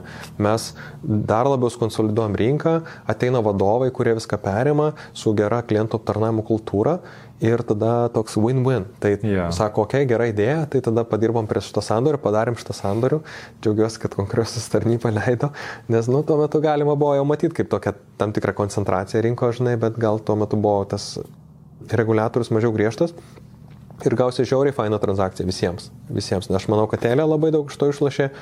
Uh, Hostexui buvo geras sandoris, man buvo geras sandoris ir visi gavo tai, ko norėjo, žinai, tai toks, na paprastai retai būna tokių vat, įmonių kažkokių pardavimų sandorių, kur būtų labai win-win situacija. Yeah, yeah. Aš ją mačiau kaip labai win-win situacija, tai dėl to labai didžiuojuosi ir man buvo vėlgi pirma gyvenime patirtis parduoti savo verslą ir tarp kitko parduoti neturint jokių pardavimų konsultantų. Aš pats jį pardaviau. Tai. Aš pats dėrėjausi su, dėl kainos, dėl tų. Aišku, man padėjo keletas kolegų, kurie pakonsultavo, kokia čia būtų protinga kaina, kaip čia tą prezentaciją paruošti ir taip toliau ir panašiai bet kažkokių konsultantų, kurie vedė visą procesą nebuvo, aš kažkaip labai tikėjau tuo tiesioginiu santykiu, kad jeigu aš esu pardavėjas, ten Telios Šikšta yra decision makeris pirkėjas, tai mes su juo susėsim ir sutarsim. Aš jam paaiškinsiu, kodėl aš manau šitas verslas tiek vertas, kas jame yra tokio vertingo ir, ir, ir kažkaip jo labai buvo fainas dialogas ir sutarėm ir padarėm ir aš esu super, super laimingas dėl to. Tai jo, išsiplėčiau, bet, bet va tokia buvo istorija interdatas. Ok, ir čia tada užsidaro šitas interdatos puslapis ir ar tau nebuvo kažkokios tai baimės šitoje vietoje, kad nu nerasi, žinai, kitos veiklos, kuri, kuri tau bus tokia įdomi, nes bent jau pradžiai, nukuriant, tu tikrai kaifavai visame tame. Taip. Ir tikrai, nu, vat, grįžtant prie, to pačios, prie tos pačios Zapos knygos, žinai, kur Tony Šeitėm pasakoja savo istoriją ir irgi jisai uh, atsimenu, nu, turėjo pasiūlymą, realiai jisai didžiąją dalim pardavė Zapos Amazonui, bet, bet jis visada liko dirbti dėl to, kad, nu, va, jam tai yra buvo tas verslas, kuris labai arti, arti širdies. Ir tau nebuvo tokios, kad, nu, o jeigu dabar nerasiu nieko kito tokio? Uh, tikrai buvo. Man, aš žiauriai mylėjau visą kolektyvą, nes tai buvo žmonės, kuriuos aš surinkau kurie ne tik geri specialistai, faini kolegos, bet visi man jie buvo draugai. Nu, ta prasme, aš su tai žmonėm turėjau ryšį, aš kažkaip tai, nu, man tikrai rūpėjo tie žmonės ir, mm. ir aš mačiau, kad jie irgi turi nu, įmonę, kurie, kuri jiems labai rūpi. Uh, tai, tai dėl to, vat, man buvo labai svarbu, kas perka, kaip visą tai toliau atrodys, kad tai turėtų kažkokį testinumą ir kad tie žmonės, pavyzdžiui, jeigu jie nori likti, jie gali likti ir toliau dirbti ir kažkas galbūt kardinaliai taip nesikeis, ar ne? Tai mhm. man atrodo, kad kažkiek to testinumo buvo užtikrinta. Bet, žinai, iš kitos pusės e, mano filosofija iki šiol yra tokia, kad tu momentais turi save išspirti iš komforto zonos. Ir aš tą supratau, kad jo, viskas yra gerai, bet tai yra komforto zona, kurioje, jeigu tai pirmus penkis metus aš jaučiau tobulėjimą geometriją progresiją, tai po to sekančius kelis metus aš jaučiau, kad e, tas tobulėjimas vyksta, bet jis labai sulėtėjo ir aš kažką, aš esu per jaunas likti tokioj komforto zonai, ar ne? Okay. Ir reikėjo kažkokio pokyčio. Ir aš pats save įstūmiau į pokytį. Nu, tiesiog priverstinai. Mhm. Ir aš tą darau, aš ką tik tą padariau su Vinted, tarp kito, galėsim prie to irgi prieiti. Aš įstūmiau į pokytį, kur... Bet žinai, tai tu to, to sprendimo nepriimi labai spontaniškai. Man užtruko trys metai nuo idėjos iki gyvendinimo, beveik keturi. Uh, tai... Bet taip, tu eini per tai, kad supranti, okei, okay, save įstumsi į nežinomybę, galbūt tai buvo geriausia, ką tu savo gyvenime sukūrė ir tu to atsisakai ir galbūt tai, ką tu toliau darysi, tavęs, nežinau, nedžiugins ir, ir, ir, ir, ir nu, tikrai turėsi iššūkius. Bet aš kažkaip visada galvoju apie tą gerą scenarių, kad, nu, o, bet gal iš to išeis visiems tik tai geriau ir nepabandęs nesužinosi. tai, tai mano tokia labai paprasta filosofija, bet aš pereidamas aš save esu turbūt kokius na, tris kartus rimtai išspyręs į, į vėl naujas aplinkybės, mm. kur man reikia pačiam iš, išplaukti ir, ir susigaudyti ir susikurti tą aplinką. Ir kažkaip gaunasi ir tada jau ten trečią kartą išspirt lengviau, nesupranti, kad, nu, greičiausiai vėl susikurs, nes jeigu tris kartus susikūrė, tai tikimybė, kad ketvirtą kartą susikurs. Nes žinai, kad didelė. pats tai padarė, jo, jo, jo iš tikrųjų tai, tai nebuvo, nu, tu, tu pasirinkai tą daryti ir pasirinkai, kad atrasi tai. tą būdą. Tai. tai va čia yra ta iš tikrųjų įdomioji man asmeniškai tavo pradėk iš naujo istorija, kur tu va, pardavė interdatą mm. ir čia aš nežinau, žinai, kas toliau vyko, kaip tu jautėsi, kaip tu atradai, žinai, Vintedus, kaip, vat, papasako, kaip, koks okay. tas etapas buvo. Tai buvo gal keli momentai. E, pirmas momentas buvo, kad aš labai norėjau tiesiog palsėti, nes šiauriai daug savęs atidaviau, statydamas tą verslą ir jaučiau, kad e, man reikia save susigražinti. Tai tada buvo atsiradęs mano toksai hobis būriavimas. Tai mhm. Tai aš e, išplaukiau su būrinė jachta paburiuoti.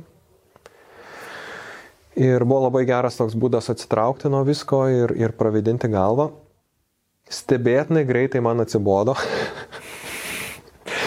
kai supratau, kad tiesiog ilsėtis ir nieko neveikti yra žiauriai sunku. kiek, kiek koks laiko tarpas tai buvo? Nežinau, keturi mėnesiai, penki mėnesiai okay. ir man sunku pasidarė. Okay, okay. Tai pasidarai per traukėlę. Taip. Labai norėjau. Ir jos to buvo jau gana galiausiai. Kas toliau? Buvo daug, tokie du gal momentai. Tai vienas mano buvo noras uh, išbandyti save tradiciniam versle. For the sake of išbandyti. Tiesiog man buvo įdomu suprasti, ar tai, ką aš dariau su savo įmonė galima būtų pritaikyti ir kaip tie dėsniai visi vadybos veikia labiau tradicinė versle, ar ne? Mm. Tai a, tapau investuotojai ten tokio greito maisto tinkliuko startupėlio, kurį ten tokie va, vieni progresyvūs jaunuoliai kūrė. Investavau į miško verslą, Nu, tuo metu norėjosi man savotiškai darbinti dalį kapitalų tokiam labai saugiam tradiciniam sektoriui, ar ne? Tai greito maitinimo tas tinklas nepriskaito prie to, bet sakykime taip, žemės ten ūkio miško veikla atrodo, kad prisiskaito. Ir um, tiesiog norėjau pamatyti, kaip ten dalykai vyksta, ar ne, tai mhm. praplėsti savo akiratį. Bet ten labai greitai man atėjo supratimas, kad uh, tos aplinkos dinamika absoliučiai nesueina tas dažnis su mano dinamika, ar ne?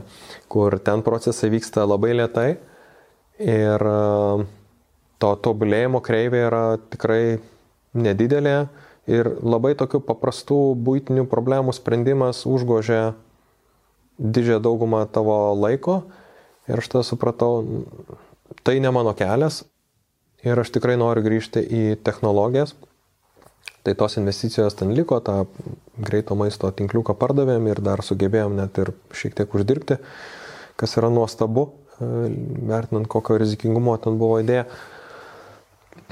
Bet, e, bet tai buvo labai aiškus man irgi pabandymas ir suvokimas, okei, okay, kuriuo keliu aš toliau noriu eiti, ar ne, nes buvo ta savotiška kryškelė. O buvo ar jau aišku, kuriuo nenori eiti, ar ir aišku, kuriuo nori? Ne, tai aišku ir kuriuo nenori, ir kuriuo nori. Aš A. supratau, kad tradicinis verslas yra ne man. Mm, ir aš noriu grįžti į technologijas, nes ten žmonės, kuriuose, kurie dirba ir galimybės, kurios atsiveria, nu, eksponentiškai yra visiškai kitos, ar ne? Tai Tai va, ir tada buvo tokia man kryškelės klausimas, ar daryti vėl nuo nulio pačiam, ar prisijungti prie kažkokios idėjos komandos ir tiesiog akceleruoti tai, ar ne? Mhm. Man labai norėjosi daryti ne vienam, nes aš mačiau stiprybę daryti ne vienas. Su komanda, ar ne? Su stipria komanda, kuri kuri jau kažką yra pradėjusi ir, ir, ir, ir turi kažkokį tai išskirtinį, nežinau, matymą, talentą ir taip toliau ir panašiai. Tai aš tuo metu užsėmiau tokiu labai aktyviu skenavimu rinkos, pač vad kas technologijų sektorių Lietuvoje, vad kas ką daro, kokius projektus okay. ar ne, ir ten buvo užgimimas ten ir tokio socialinio tinklo į mokslą orientuoto, žinai, ir um, elektroninės komercijos, ir ten reklamos tinklo mobiliesiam aplikacijom Microsoftiniam, tokių vat, visokių buvo tokių užgimusių naujų idėjų. Ir um, aš, mano noras buvo susipažinti su, su žmonėm, kurie tai daro ir pajausti kelis dalykus. Viena, ar tie žmonės yra tie, su kuriais aš norėčiau kažką daryti, nes turėjau ganėtinai aišku filtrą, su kuo norėčiau daryti ir su kuo nenorėčiau daryti, ar ne? Ir e, antras dalykas, ar ta idėja, man atrodo, antiek perspektyvi, kad tai galėtų būti ta mano didžioji svajonė išeiti į platesnius vandenis, ar ne? Kur mhm. platesnis vandenis aš vadinu, kad e, tai būtų pritaikoma už Lietuvos ribų ir būtų galima ar Europoje, ar, ar visam pasaulyje tą produktą, projektą, paslaugą auginti, kas atveria super didelės tada galimybės, žinai, nes aš jau tada svajau apie įmonę, kurioje bus ne dešimtis, o šimtai žmonių ir mes, na, užauginsim, tuo metu man atrodė, žinai, būtų nerealu užauginti verslą, kuris galbūt kažkada bus kokiu 50 milijonų eurų vertės, ar ne? Vat tada atrodo tokia, nu jau čia jau rimta, ar ne? Aha, didžiulė. Tai, tai va, to, tokius turėjau atskaitos taškus ir tada tame procese atsirado, tarp kitko, labai tokia įdom, įdomus projektas, kai Europos investicijų fondas skelbė konkursą Lietuvoje kurti e, vieną pirmųjų ankstyvos kapitalo, ankstyvos stadijos kapitalo, rizikos kapitalo fondą. Ir, ir, ir atsimenu, vat, mane pakvietė ten dalyvauti, kadangi aš domėjausi tame sukausi ir taip toliau. Ir čia buvo tokia aventūra dalyvauti tam konkurse. Mhm. Surinkom komandą, sudalyvavom konkurse su tokia verslo akceleratoriaus idėja, kaip reikėtų tą ankstyvą technologijų stadiją apskritai auginti, kokie atrankos būtų kriterijai ir taip toliau ir panašiai.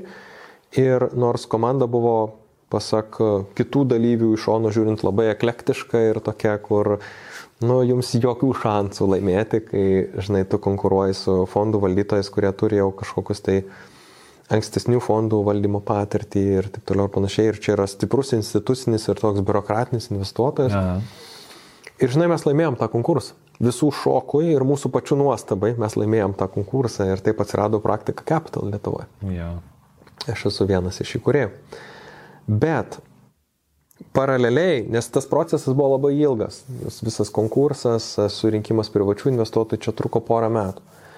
Ir vienu momentu mes su komanda rimtai dvėjom, a, rimtai dvėjom ar laimėsim, e, po to labai rimtai dvėjom ar sugebėsim paleisti, nes reikėjo surinkti 2010-2009 metais reikėjo surinkti privačius investuotojus, kai visi buvo nukraujavę nuo globalios finansų krizės ir niekas yeah. į nieką nenorėjo investuoti, jeigu tai nėra čia dabar pačiupinėjama kažkas, kažkoks realus turtas už gerą vertę ir taip toliau ir panašiai. Tai atsitiko tokia paralelė, žinai, kad aš jau taip laikiau 90 procentų tikimybę, kad šitas fondas nepasileis. Aha. Ir pradėjau galvoti, okei, okay, man turbūt reikės na, pačiam kažką daryti, investuoti, nes šitas fondas, na, greičiausiai nebus tas sekantis didelis dalykas, prie kurio aš dirbsiu. Ir taip aš susipažinau su Justu ir Milda, mano drabužiai LT. O susipažinau, tarp kitko, labai įdomi, nes e, aš tuo metu stebėjau vėlgi tą patį Gemiusą, kokie yra didžiausi Lietuvoje labiausiai augantis tinklapiai. Ir jie su mano drabužiai tik buvo patekę į 50-uką ir pradėjo labai sparčiai aukti ir aš mačiau tokį vieną sparčiausią augančių tinklapių Lietuvoje ir pagalvojau, oh, wow, kaip čia taip įdomiai, kodėl jie taip auga, aš nemačiau jokio marketingo aplink save mm. ir jie žiauriai auga.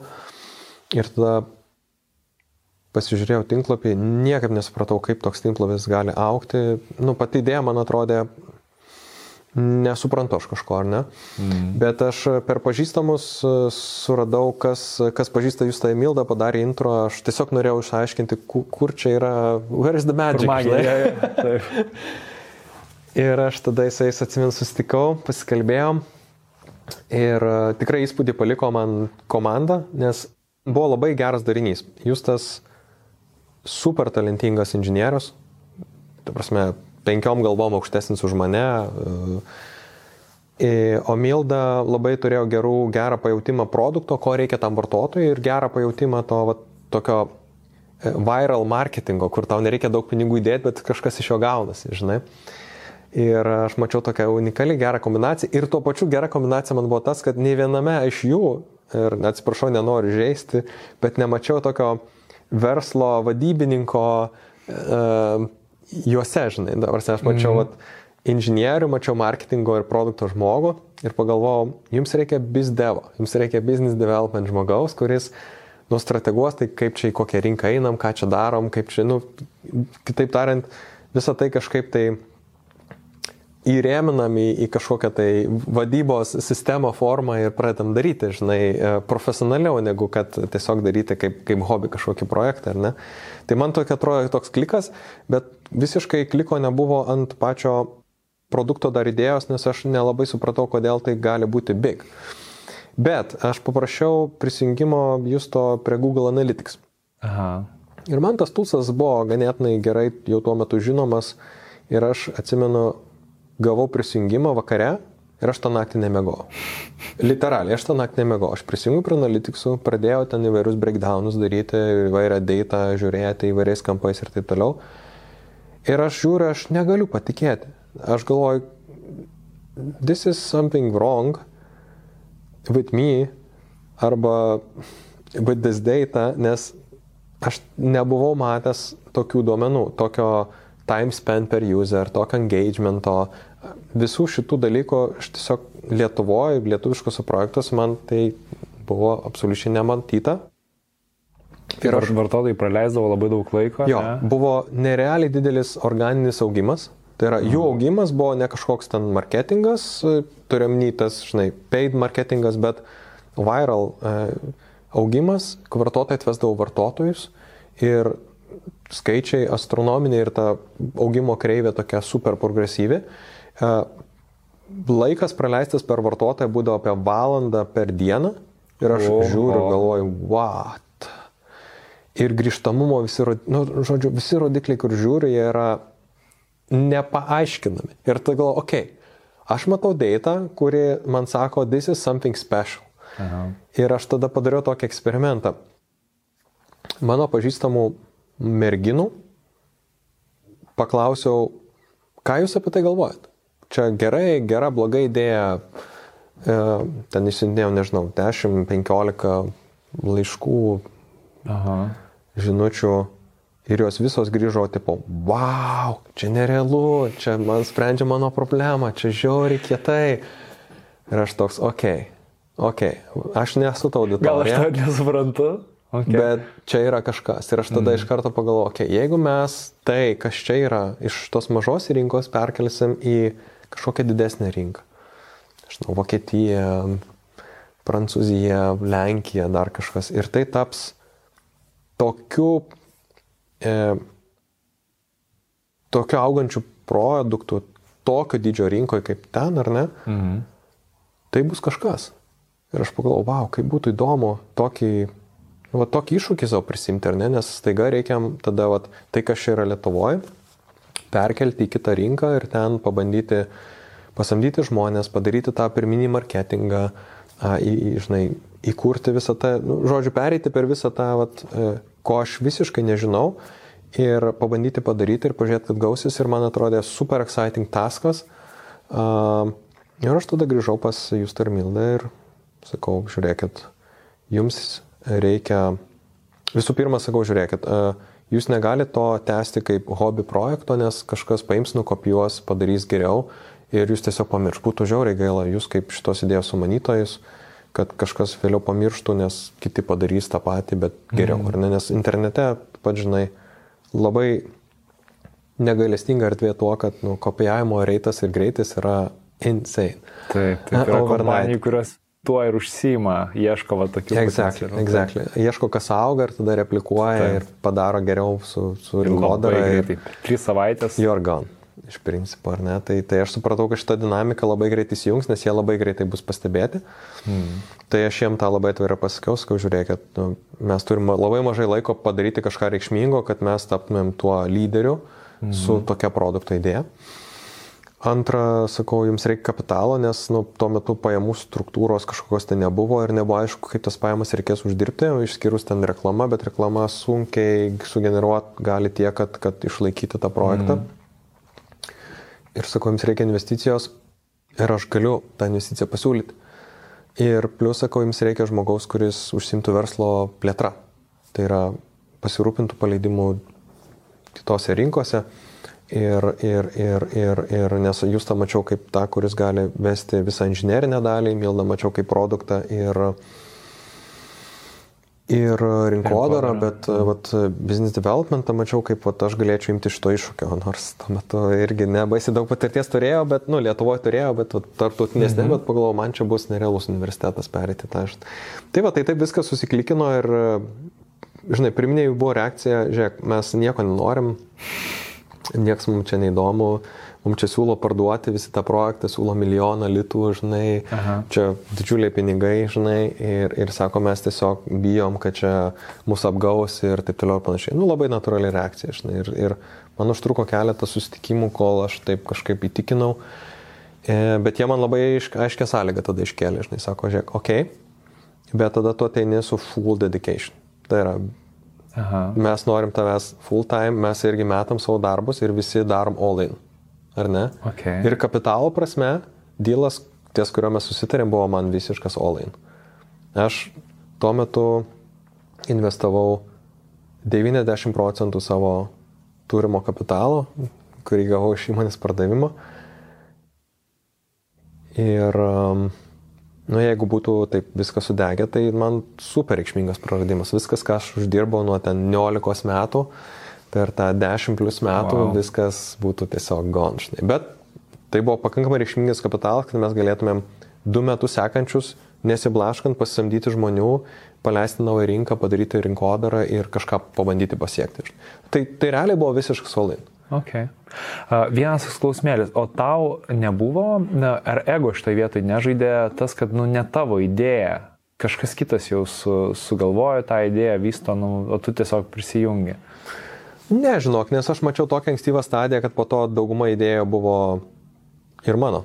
Mhm. Pavyzdžiui, Vinted pavadinimas yra mano pasiūlytas pavadinimas. Okay. Pavyzdžiui, kategorija, kad reikia turėti ne tik uh, merginų drabužius, bet ir e, vaikų visas prekes yra mano idėja. Mhm. Kodėl mes turim šitos kategorijos, paleiskim produktą ir taip toliau. Tai ten pati pradžia dar buvo labai žalias tas produktas, ar ne? Taip, taip, taip. Oh, tai, okay. tai aš kažkaip, ta, idėja, kad mums reikia eiti į mobilę erdvę ir čia buvo viena didžiųjų transformacijų iš tinklapio padaryti mobilią aplikaciją kaip mobile first ir tada atrodė labai drasus sprendimas iš mūsų pusės sumesti visas paėgas kurį laiką tinklapio mes net nebe, nebetobulinom ir viską įmetėm tik tais į mobilios aplikacijos kūrimą. Yeah. Visiškas all-in buvo irgi, bet tai buvo toks reikšmingas mūsų augimo kreivė, žinai, kad, kad buvo labai teisingas, teisingas ir labai laiko pasirinkimas padarytas. Tai, tai ne, tai aš manau, kad mes, žinai, per laiką tas indėlis labai išsibalansavo mūsų visų ir, ir man atrodo, kad mes visi labai proporcingai prisidėjom prie, prie to, kad visi galėtume sakyti, nu mes vat ir sukūrėm šitą mm -hmm. daiktą. Ne? Ir komanda, ne tik mes trys, ta prasme, visi žmonės turėjo labai didelį indėlį, nes mes buvom labai atviri kitų žmonių idėjom ir, ir, ir įtakai kažkokiai. Nu, kitaip tariant, aš atėjau į aplinką, kur labai aiškiai supratau, kad tai bus bendros kūrybos produktas. Ir arba mes susidursim kaip komanda ir mums gausis, ir mes ja. labai būsim stiprus dėl to, kad mes komanda, arba mes nu, iš, išsitaškysim, kaip čia pasakyti, žinai, gražiau, nes tiesiog susipyksim kažkur, bet labai pavyko suvaldyti tą dalyką, kur Lietuvoje gan retas fenomenas iš tiesų ir labai gaila, kad retas, kur tu turi ego padėti į šoną, tu turi eiti į kompromisus ir žiūrėti, kad, okei, okay, aš kurioje kažkurioje vietoje turėsiu nusileisti, kažkurioje vietoje turėsiu tiesiog ramiai prakentėti, nes nu, tai yra komandinis darbas ir, ir, ir tiesiog taip, taip reikia daryti dalykus ir e, tuos kažkokius ego asmeniškumus padėti į šoną. Bet mes visi kaip komanda šitoje vietoje, manau, kad labai gerai sudirbom, nors tikrai nebuvo lengva, tikrai buvo iššūkių, nebuvo tokio, kad jau ten viskas supernatural fit ir ten neturim kampų, kuriuos reikia tarpusai nušlifuoti ir taip toliau, bet kažkaip visi vedami buvom tos, kad tokiai, okay, susitelkim ir padarykim kažką didelio vardan to, kad padarysim kažką įdomaus ir nu, tam asmeniam lygiai ap, ap, biškia ap, apšlifuokim save, žinai, kad mm. įtilpti į tą visą paveikslą. Tai va. Okay. Šiaip apie patį Vintedą ir kaip Vintedui sekėsi, aš gal labai nenorėčiau leisti šitam mhm. pokalbė, mes esam su Milda. Neužteks laiko. Tai, jo, tai tiem, kam bus įdomu, iš tikrųjų pasižiūrėkit pin su, su Milda Mitkute ir ten tikrai mes labai daug esame ir ne tik apie ją, bet ir apie visą tą Vintedą augimą ir aš tikiu, kad ten iššūkių buvo įvairiausių, bet man kas įdomu, ja. tavo asmeniniai iššūkiai. Mhm. Vat kaip tau, nes tu, kaip ir minėjai, vat ateitų, vadybos patirties net didžiulės labai neturėjai, su nedidelė įmonė, sakykim, ir čia visai, visai kitas mastas. Tai, mhm. tai kaip tau sekėsi tą, žinai, augintis e, tuos gabumus, gebėjimus, kaip tu tą darėjai, ar, ar vėlgi, ar tos pačios knygos, ar tu bendraudavai su, su, vadyb, nu, su kažkokiais stipresniais žmonėmis.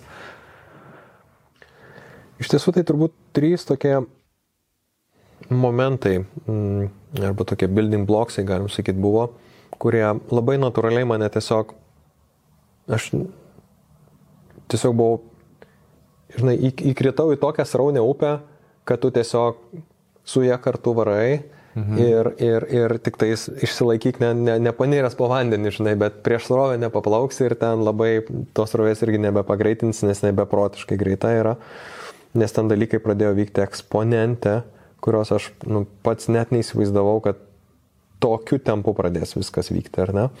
Tai tie trys building blocks yra, vienas tai labai natūralus, kad tu iššokiai tą verslo aplinką, kuri tau pati signalizuoja, kas veikia, kas neveikia. Ir tu tiesiog labai aiškiai matai iššūkius, matai savo silpnas pusės ir labai gauni aišku tokį grįžtamą ryšį, kur yra tau silpnos vietos ir kur tau reikia staigiai patobulėti, mm. ar ne? Ir čia pas mane įsijungia tokie keli momentai. Vienas tai, tai kaip su tokiais iššūkiais tvarkytis, ar ne? Tai vienas yra knygos, o dar šalia knygų ir tuo metu jau atsiradinėjo vairūs podcastai, kur aš pradėjau labai, jeigu anksčiau aš knygas skaitydavau taip, nu, pasiimi ir perskaitai, tai tame etape viskas vyko taip greitai, kad aš turėdavau labai aiškiai žinoti, kur yra mano problema, ką aš turiu sužinoti, surasti, kur aš tą galėčiau pasimti informaciją ir aš neturėjau e, prabangos perskaityti visą knygą. Aš pasimdavau knygą, paklausdamas ten, pavyzdžiui, rekomendacijos, arba šiaip internet surasdamas, kad va, tai padeda spręsti tokius klausimus. Ir tu ją skaitai to super greituoju skaitimo būdu, kur tu praleidi ten du trečdalius turinio, ar tiesiog susirandi prisaizlį, okei, okay, va čia kalba apie tai, kur man skauda, pasižiūrim, ką sako ta knyga mhm. ir einam tuos pritaikyti praktiškai dalykus ir pažiūrim, ar veikia, žinai. Ir tokia, va, tokia iteracija prasidėjo, žinai. Arba tai tiesiog ieškai visur e, tos informacijos. Kitas dalykas, kuris e, labai pagelbėjo, tai mūsų investuotojai atėjo su tikrai įspūdingai dideliu tokiu bagažu patirties investuojant į tokias greito augimo įmonės, ar ne, nes tai, tai buvo Excel Partners fondas, kuris tuo metu jau turėjo savo portfelėje Facebooką, Dropboxą, Spotify, nu, ten buvo world class produkt, žinai, hmm. ir tie produktai buvo toliau pažengę negu mes, tai tam tikros augimo skausmus praėjo. Tai pasinaudodavau, žinai, jų pagalbos liniją suvesti mane su tiesiai su tai žmonėm. Okay. Ir aš atsimenu, kaip aš turėdavau Skype, dar tuo metu kolus su Dropbox'u, su Spotify žmonėm, žinai, apie klausę apie lyderystę, apie produktą, apie kaip valdo, žinai, ten KPI'sus, kokius juos išsikelia. Nu, tai kitaip tariant, tu eini labai praktinės pagalbos, prašai pas žmonės, kurie labai praktiškai su tuo yra susidūrę, žinai. Tai, tai visas tas va, toksai Kitaip tariant, ta aplinka mane privertė skurti naują tokį frameworką, kuriame tu turi super greitai susigaudyti, kur yra tavo bottlenecks ir susirasti tą informaciją be komforto, kad tu gali ten ilgai kažkokią knygą skaityti. Tu mm. visiškai neturi to komforto. Pas tai degant yra situacija, tu turi čia ir dabar spręsti, kaip tą daryti. Tai yra žmonės, tai yra knygos, tai yra podcastai. Ir Gal tai suformavo ir tokį blogą įprotį, kad aš taip pripratau prie šito būdo vartoti informaciją, kad aš iki šiol taip ir darau. tai aš, aš nebeatsimenu, kad aš atsisėdau ir taip ramiai nuo pradžių iki galo perskaičiau visą knygą. Ne, aš pasiimu knygą, galvoju, okei, okay, dažniausiai knygoje yra, jeigu ne grožinė literatūra, čia reikia atskirti, ar ne, yra kokios, nu, 3-5 maksimum aštuonios main idėjos, ką jinai tau nori pasakyti. Ir ten labai daug tada repetiti visko yra. Tai aš tiesiog bandau tą knygą taip X-ray būdu, žinai, taip persišviesti ir, ir pavartai pasižiūri, kaip čia sustruktūruota ta knyga. Ir tiesiog susirinkti tas main idėjas ir viskas, ir padėdė į šalį. Aš neturiu laiko visą skaityti, man reikia main insights ir viskas, žinai.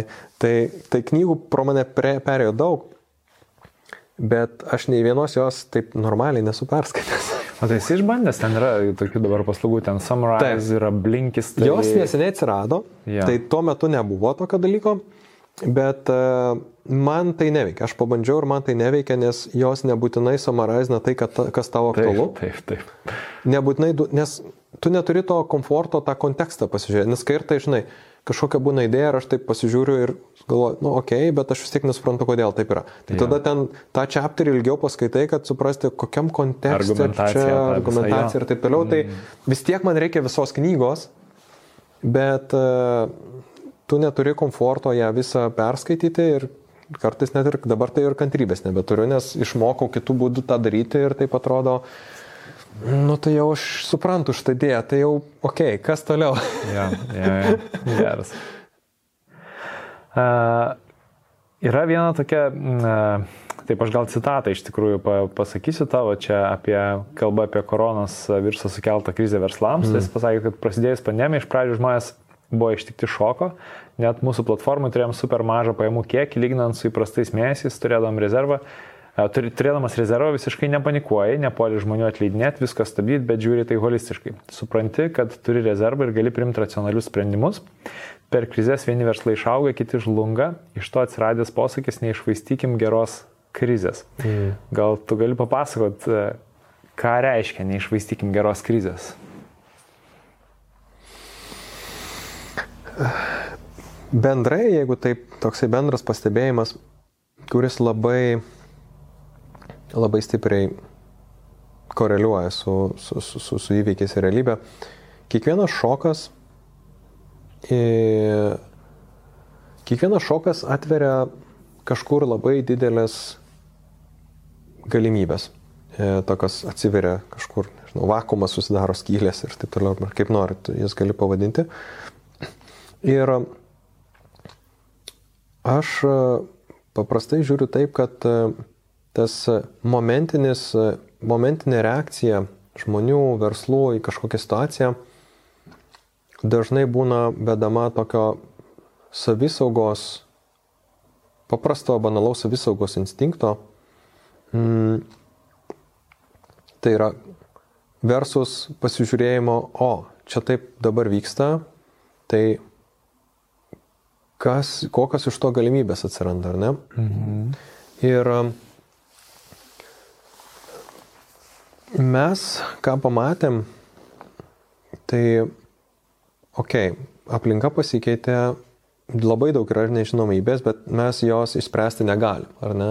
Nesam medikai, nesam kažkokie formacijos mokslininkai, kad, kad suprasti, kaip čia dabar tą įspręsti, bet suprantam, kad aplinka pasikeitė ir tu toj pasikeitusioje aplinkoje gali galvoti, o, wow, kaip čia viskas bus dabar sudėtingai Arba gali galvoti, o, o wow, kaip bus viskas kitaip ir kaip būti pirmuoju, kuris tą kitaip arba sukurs tą kitaip, arba pasiūlys, kaip tą kitaip galima būtų daryti. E, nes, žinai, fundamentalūs dalykai dažniausiai taip greitai nepasikeičia. Tai yra žmonės norės toliau gyventi ir apsirūpinti tam tikrais dalykais savo gyvenimuose. Tai Tik tais galbūt tai, kaip tą darys, bus kitokia, kitokia forma. Tai, tai kažkaip pasižiūrėjom, žinai, kad jo, dauguma verslų išsigando ir perėjo tokį labai survival mode. Ir mes tada labai jungiam atvirkštinį ir sakom, wow, kaip visą tai mes galim išnaudoti, nes mes netikim, kad pasaulis nebepirks, nebeparduos, žmonėm nebereikės ten rūbų, pavyzdžiui. Uh, tiesiog netikim, kad taip gali viskas paimti ir pasikeisti, bet yra pirminis šokas, žinai, ir tam pirminiam šokė mes iš karto pradėjom galvoti apie didžiulę plėtrą. Ok, tai reikia dabar, kol kiti tom baimė sukaustytam stebėjimo režime, mes pereikim į veikimo režimą.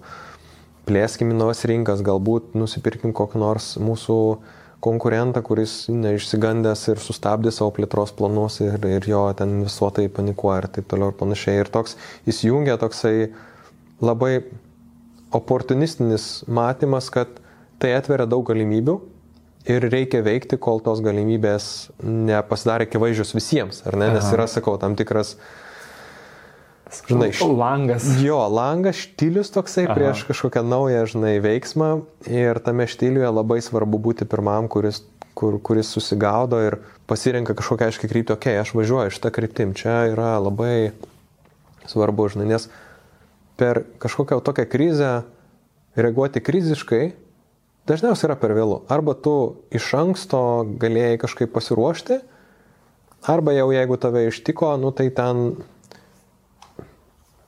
nelabai kažką daug ir padarysi. Yra gal baziniai dalykai, bet tada jau tu gali, turi galvoti ne apie čia ir dabar, turi, man apskritai verslas turi galvoti, kuo geresnis verslas, tuo labiau jis galvoja apie ateitį, žinai.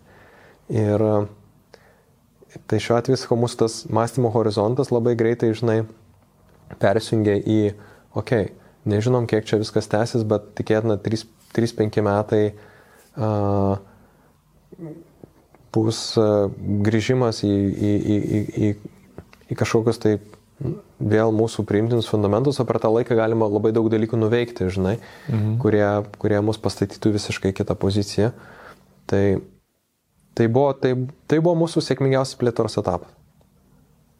Kai mes drąsiai samdėm žmonės, atidarinėjom nuos rinkas, darėm rinkodarą, gavom nerealiai geras kainas už tą rinkodarą, nes visi bijojo daryti rinkodarą, mm. nes galvojo, čia reikia dabar kaupti rezervą, čia neaišku, kas bus, koks šitas rytojus ir taip toliau ir panašiai. Mm. Tai tokia visiškai unikali erdvė transformacijai kurią mes nu, labai gerai išnaudojom. Ir kitas dalykas, už ką aš negaliu prisimti kredito, bet e, pilnas kreditas yra mūsų, žinai, finansų direktoriui, kuris labai aiškiai iškėlė tokią tikrai mintį, kad, e, žiūrėkit, viskas, čia buvo 2018 ruduo ir mes sakom, hm, 10 metų pasaulis va taip važiuoja. Visi maks optimizmas, visko džiaugiamės, viskas atrodo gerai, rytojus bus dar geresnis. Ir tai yra ta akimirka, kurioje tau reikia atsibūsti, savo įsižnypti ir sakyti, žiūrėk, nu neįmanoma, kad visada viskas bus tik tais žiauriai gerai. Taip neveikia istorija, taip neveikia pasaulis, veikia ciklais, yeah. ekonomika ir taip toliau. Ir tada mes iškėlėm tokią gan radikalią idėją, kad o davai, paimkim papildomą kapitalo į rezervą. Mums jo nereikia kažkokie tai super plėtrai, mes jau sugebam iš savo kapitalo aukti ir taip toliau ir panašiai. Paimkim kapitalą į rezervą, kur blogiausiu atveju jis ir liks rezervė ir būsim ten atidavę kažkiek tai įmonės akcijų,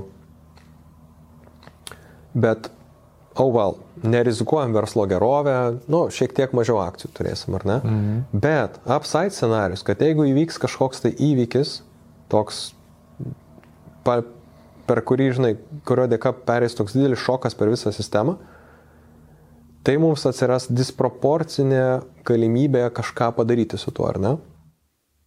Ir, nu, taimingas buvo visiškai perfekt, nes mes, mm, kai tą padarėm, pa, pritraukėm papildomų kapitalo, uh, už keturių mėnesių prasidėjo COVID. Wow. ir mes sėdėm ant to kapitalo ir sakom, Jo, bet tam mes ir pasiruošėm. Ir mūsų ten pajamos krenta praškai iki nulio, žmonės visi šokia, niekas nieko neperka, neparduoda, žinai, niekas nieko nenori daryti, nes visi bando suprasti, kas čia vyksta, ar čia iš vis mirtina ta lyga, kaip čia dabar gyventi reikės ir taip toliau.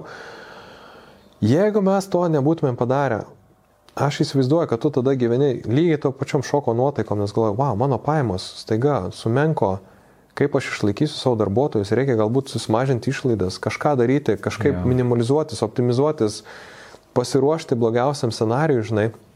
O mes sėdėm ir žiūrim, okei, okay, mes turim pinigų, net jeigu nebus pajamų, ten, žinau, metus laiko drąsiai galim gyventi, žinai. Netikim, kad metus laiko tas tęsis. Gerai. Tai vietoj to, kad kažką optimizuot, tai davai, kol visi bijo visko, davai plečiamės. Darom plėtrą. Max plėtrą. Kur einam, kokias rinkas, kurios gerai atrodo. Italija, jėga, varom į Italiją. Aš, kaip tik reikėjo mums ją paleisti. Okay.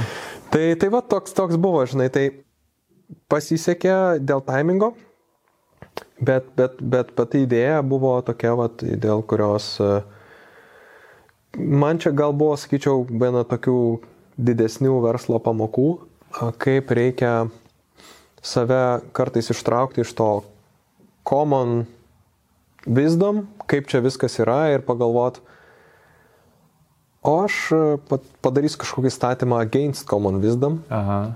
kuris, žinai, kuris turėtų disproporcingą tokį risk reward ratio. Tai mano, jeigu risk yra šiek tiek equity atiduoti, šiek tiek kapitalo, bet reward gali būti disproportional. Tai yra, tai ką aš atiduosiu, gali būti 10x man grįžti, jeigu pasiseks, ar ne? Ir yeah. vat, vat, laikas nuo laiko padaryti tokius statymus, mano nuomonė, yra fundamentaliai svarbu. E, nes labai sunku laimėti, jeigu tu tiesiog eini su general crowd ir reaguoji kaip general crowd, tuo pačiu metu kaip general crowd. Ir, ir tau reikia vat, tokius, tokius sprendimus priimti ir šitų sprendimų iš tos išvalgos yra tai, kas skiria mano nuomonę išskirtinai geras įmonės ir išskirtinai gerus vadovus nuo vidutinių įmonių ir vidutinių vadovų, kur jo, tu gali visai neblogą verslą turėti ir to nedarant, bet jeigu tu nori išaukti į kažkokius lyderius, neįmanoma tą pasiekti ne, nedarant tokių protingų, bet rizikingesnių statymų, e, kurie atrodo, na, tokie gal net oportunistiški, bet... bet jie, jie kažkiek turi būti vis tiek turbūt vedami intuicijos, nes nu, nu, nu, racionaliai tą paaiškinti, nu žinai, nu, galima, tai, tu pasižiūri paaišk... ekonomikos ciklus ir matai, kad kas dešimt metų kažkas įvyksta. Nu, tai. Žiūri, okay, this is year 9. Ar mums reikia laukti, kol bus year 10, ar kažką dabar padaryti ir pasižiūrėti, Ar this time is different, ar this time is no taip, different. Taip, taip, bet čia yra dvi stovyklos. Ja, viena, kuri sako, kad istorija linkusi kartoti, žinai, kiti taip. sako, kur praeitis nepasako apie ateitį, žinai. Ir tu, vat... Žinok, aš kiek buvau įtikėjęs dalyko, this time is different. ir po to grįžti į tą realybę, this time is, istorija žiauri rimuojasi ir kažkokiais ciklais viskas veikia ir tu turi gerbti tą dėsnį, kuris gal ten ne idealiai atsikartoja, bet labai labai rimuojasi. Ir, okay. jo. Okay. Gerai, okay. aš jau norėčiau po truputėlį pereidinėti iš tikrųjų į antrą mūsų pokalbio okay. dalį, jinai bus trumpesnė, mes aš turėsiu tokių keletą greitų klausimų ir gal iš tikrųjų dabar ir pereikim, bet pradėti aš norėčiau nuo, uh, kad būtinai nepamirštumėm pakalbėti apie tai. Tai yra, tu minėjai, kad uh, kai buvai jaunas, ar ne, vat, pastebėjai tą, kad kompiuteriai yra tas mhm. kitas dalykas. Uh, ir sakei, yra kažkas, kas dabar vyksta, ko mes nematom. Mhm. Kas tai yra? Specialiai pim bendruomeniai Contribui šį kartą net valandos trukmės Blitzkioniai su Mantu Mikutsku. Pažiūrėkim trumpą pokalbio ištrauką. Čia mes buvom urviniai žmonės, ta prasme, aš net apie šios laikus kalbu, taip, kad čia taip. buvom urviniai žmonės ir staiga viskas tiesiog, tiesiog pasikeitė, ar ne? Kilpa, kurią mes užmetėm ir kurios dar neuždarėm. Tai tu sakei, kad su Vintedu prieimiai kažkokį vieną sprendimą ir pasidalinsi jo. Esu va, tam dideliam pokytė, kur turiu susikurti savo naują sistemą, kaip aš naudoju tą laiką protingai. Ir tai yra sunkiau negu aš įsivaizdavau, nes reikia klausti ne kaip man dabar, kas man čia galėtų tą duoti, bet savęs klausti, o ką aš galėčiau fundamentaliai daugiau duoti, ir natūraliai aš už tai daugiau gausiu. Man tas atsikėlė anksčiau, pasportavau ir ta pirma valanda tokia labai, kur aš galėjau savim didžiuotis, kad, nu, vat, ne, vat, nepatingėjau, vat padariau. Viena vieta, kur aš galbūt uh, darau klaidą, tą sąmoningai pradedu suprasti, nes dar protingiau būtų, jeigu būtų ko, turbūt neįvertina žmonės, kurie labai svajoja tapti turtingais, prieš tapdami nesupranta, kad... E, Kviečiu prisijungti prie PIN vidinio rato adresu contribui.com, pasviras brūkšnelis PIN ir klausytis šio pokalbio tesnio. Ten taip pat gali kiekvieną mėnesį gauti po vieną audioteka šortą ar net po pilną audio knygą. klausytis seminarų pin temomis. Platformoje rasi visų ankstesnių laidų Blitzkio ne įrašus, svečių knygų rekomendacijas, o taip pat prisijungti gali ir prie 12 savaičių spurto programos, skirtos tiems, kas nori ne tik pasiklausyti įkvepiančių istorijų, bet ir pradėti veikti. Pradėti savo naują pradžią. Pirmieji apie tai sužinos PIN naujienlaiškio skaitytojai. Nuoroda registracijai iš naujo.lt pasviras brūkšnelis naujienlaiškis. Jeigu tau ši laida patiko, būsiu dėkingas, jei uždėsi liuksą, o komentaruose pasidalink savo įspūdžiais. Aš visus komentarus labai atidžiai perskaitau ir tikrai labai vertinu bet kokį grįžtamą ryšį. Iki kito karto.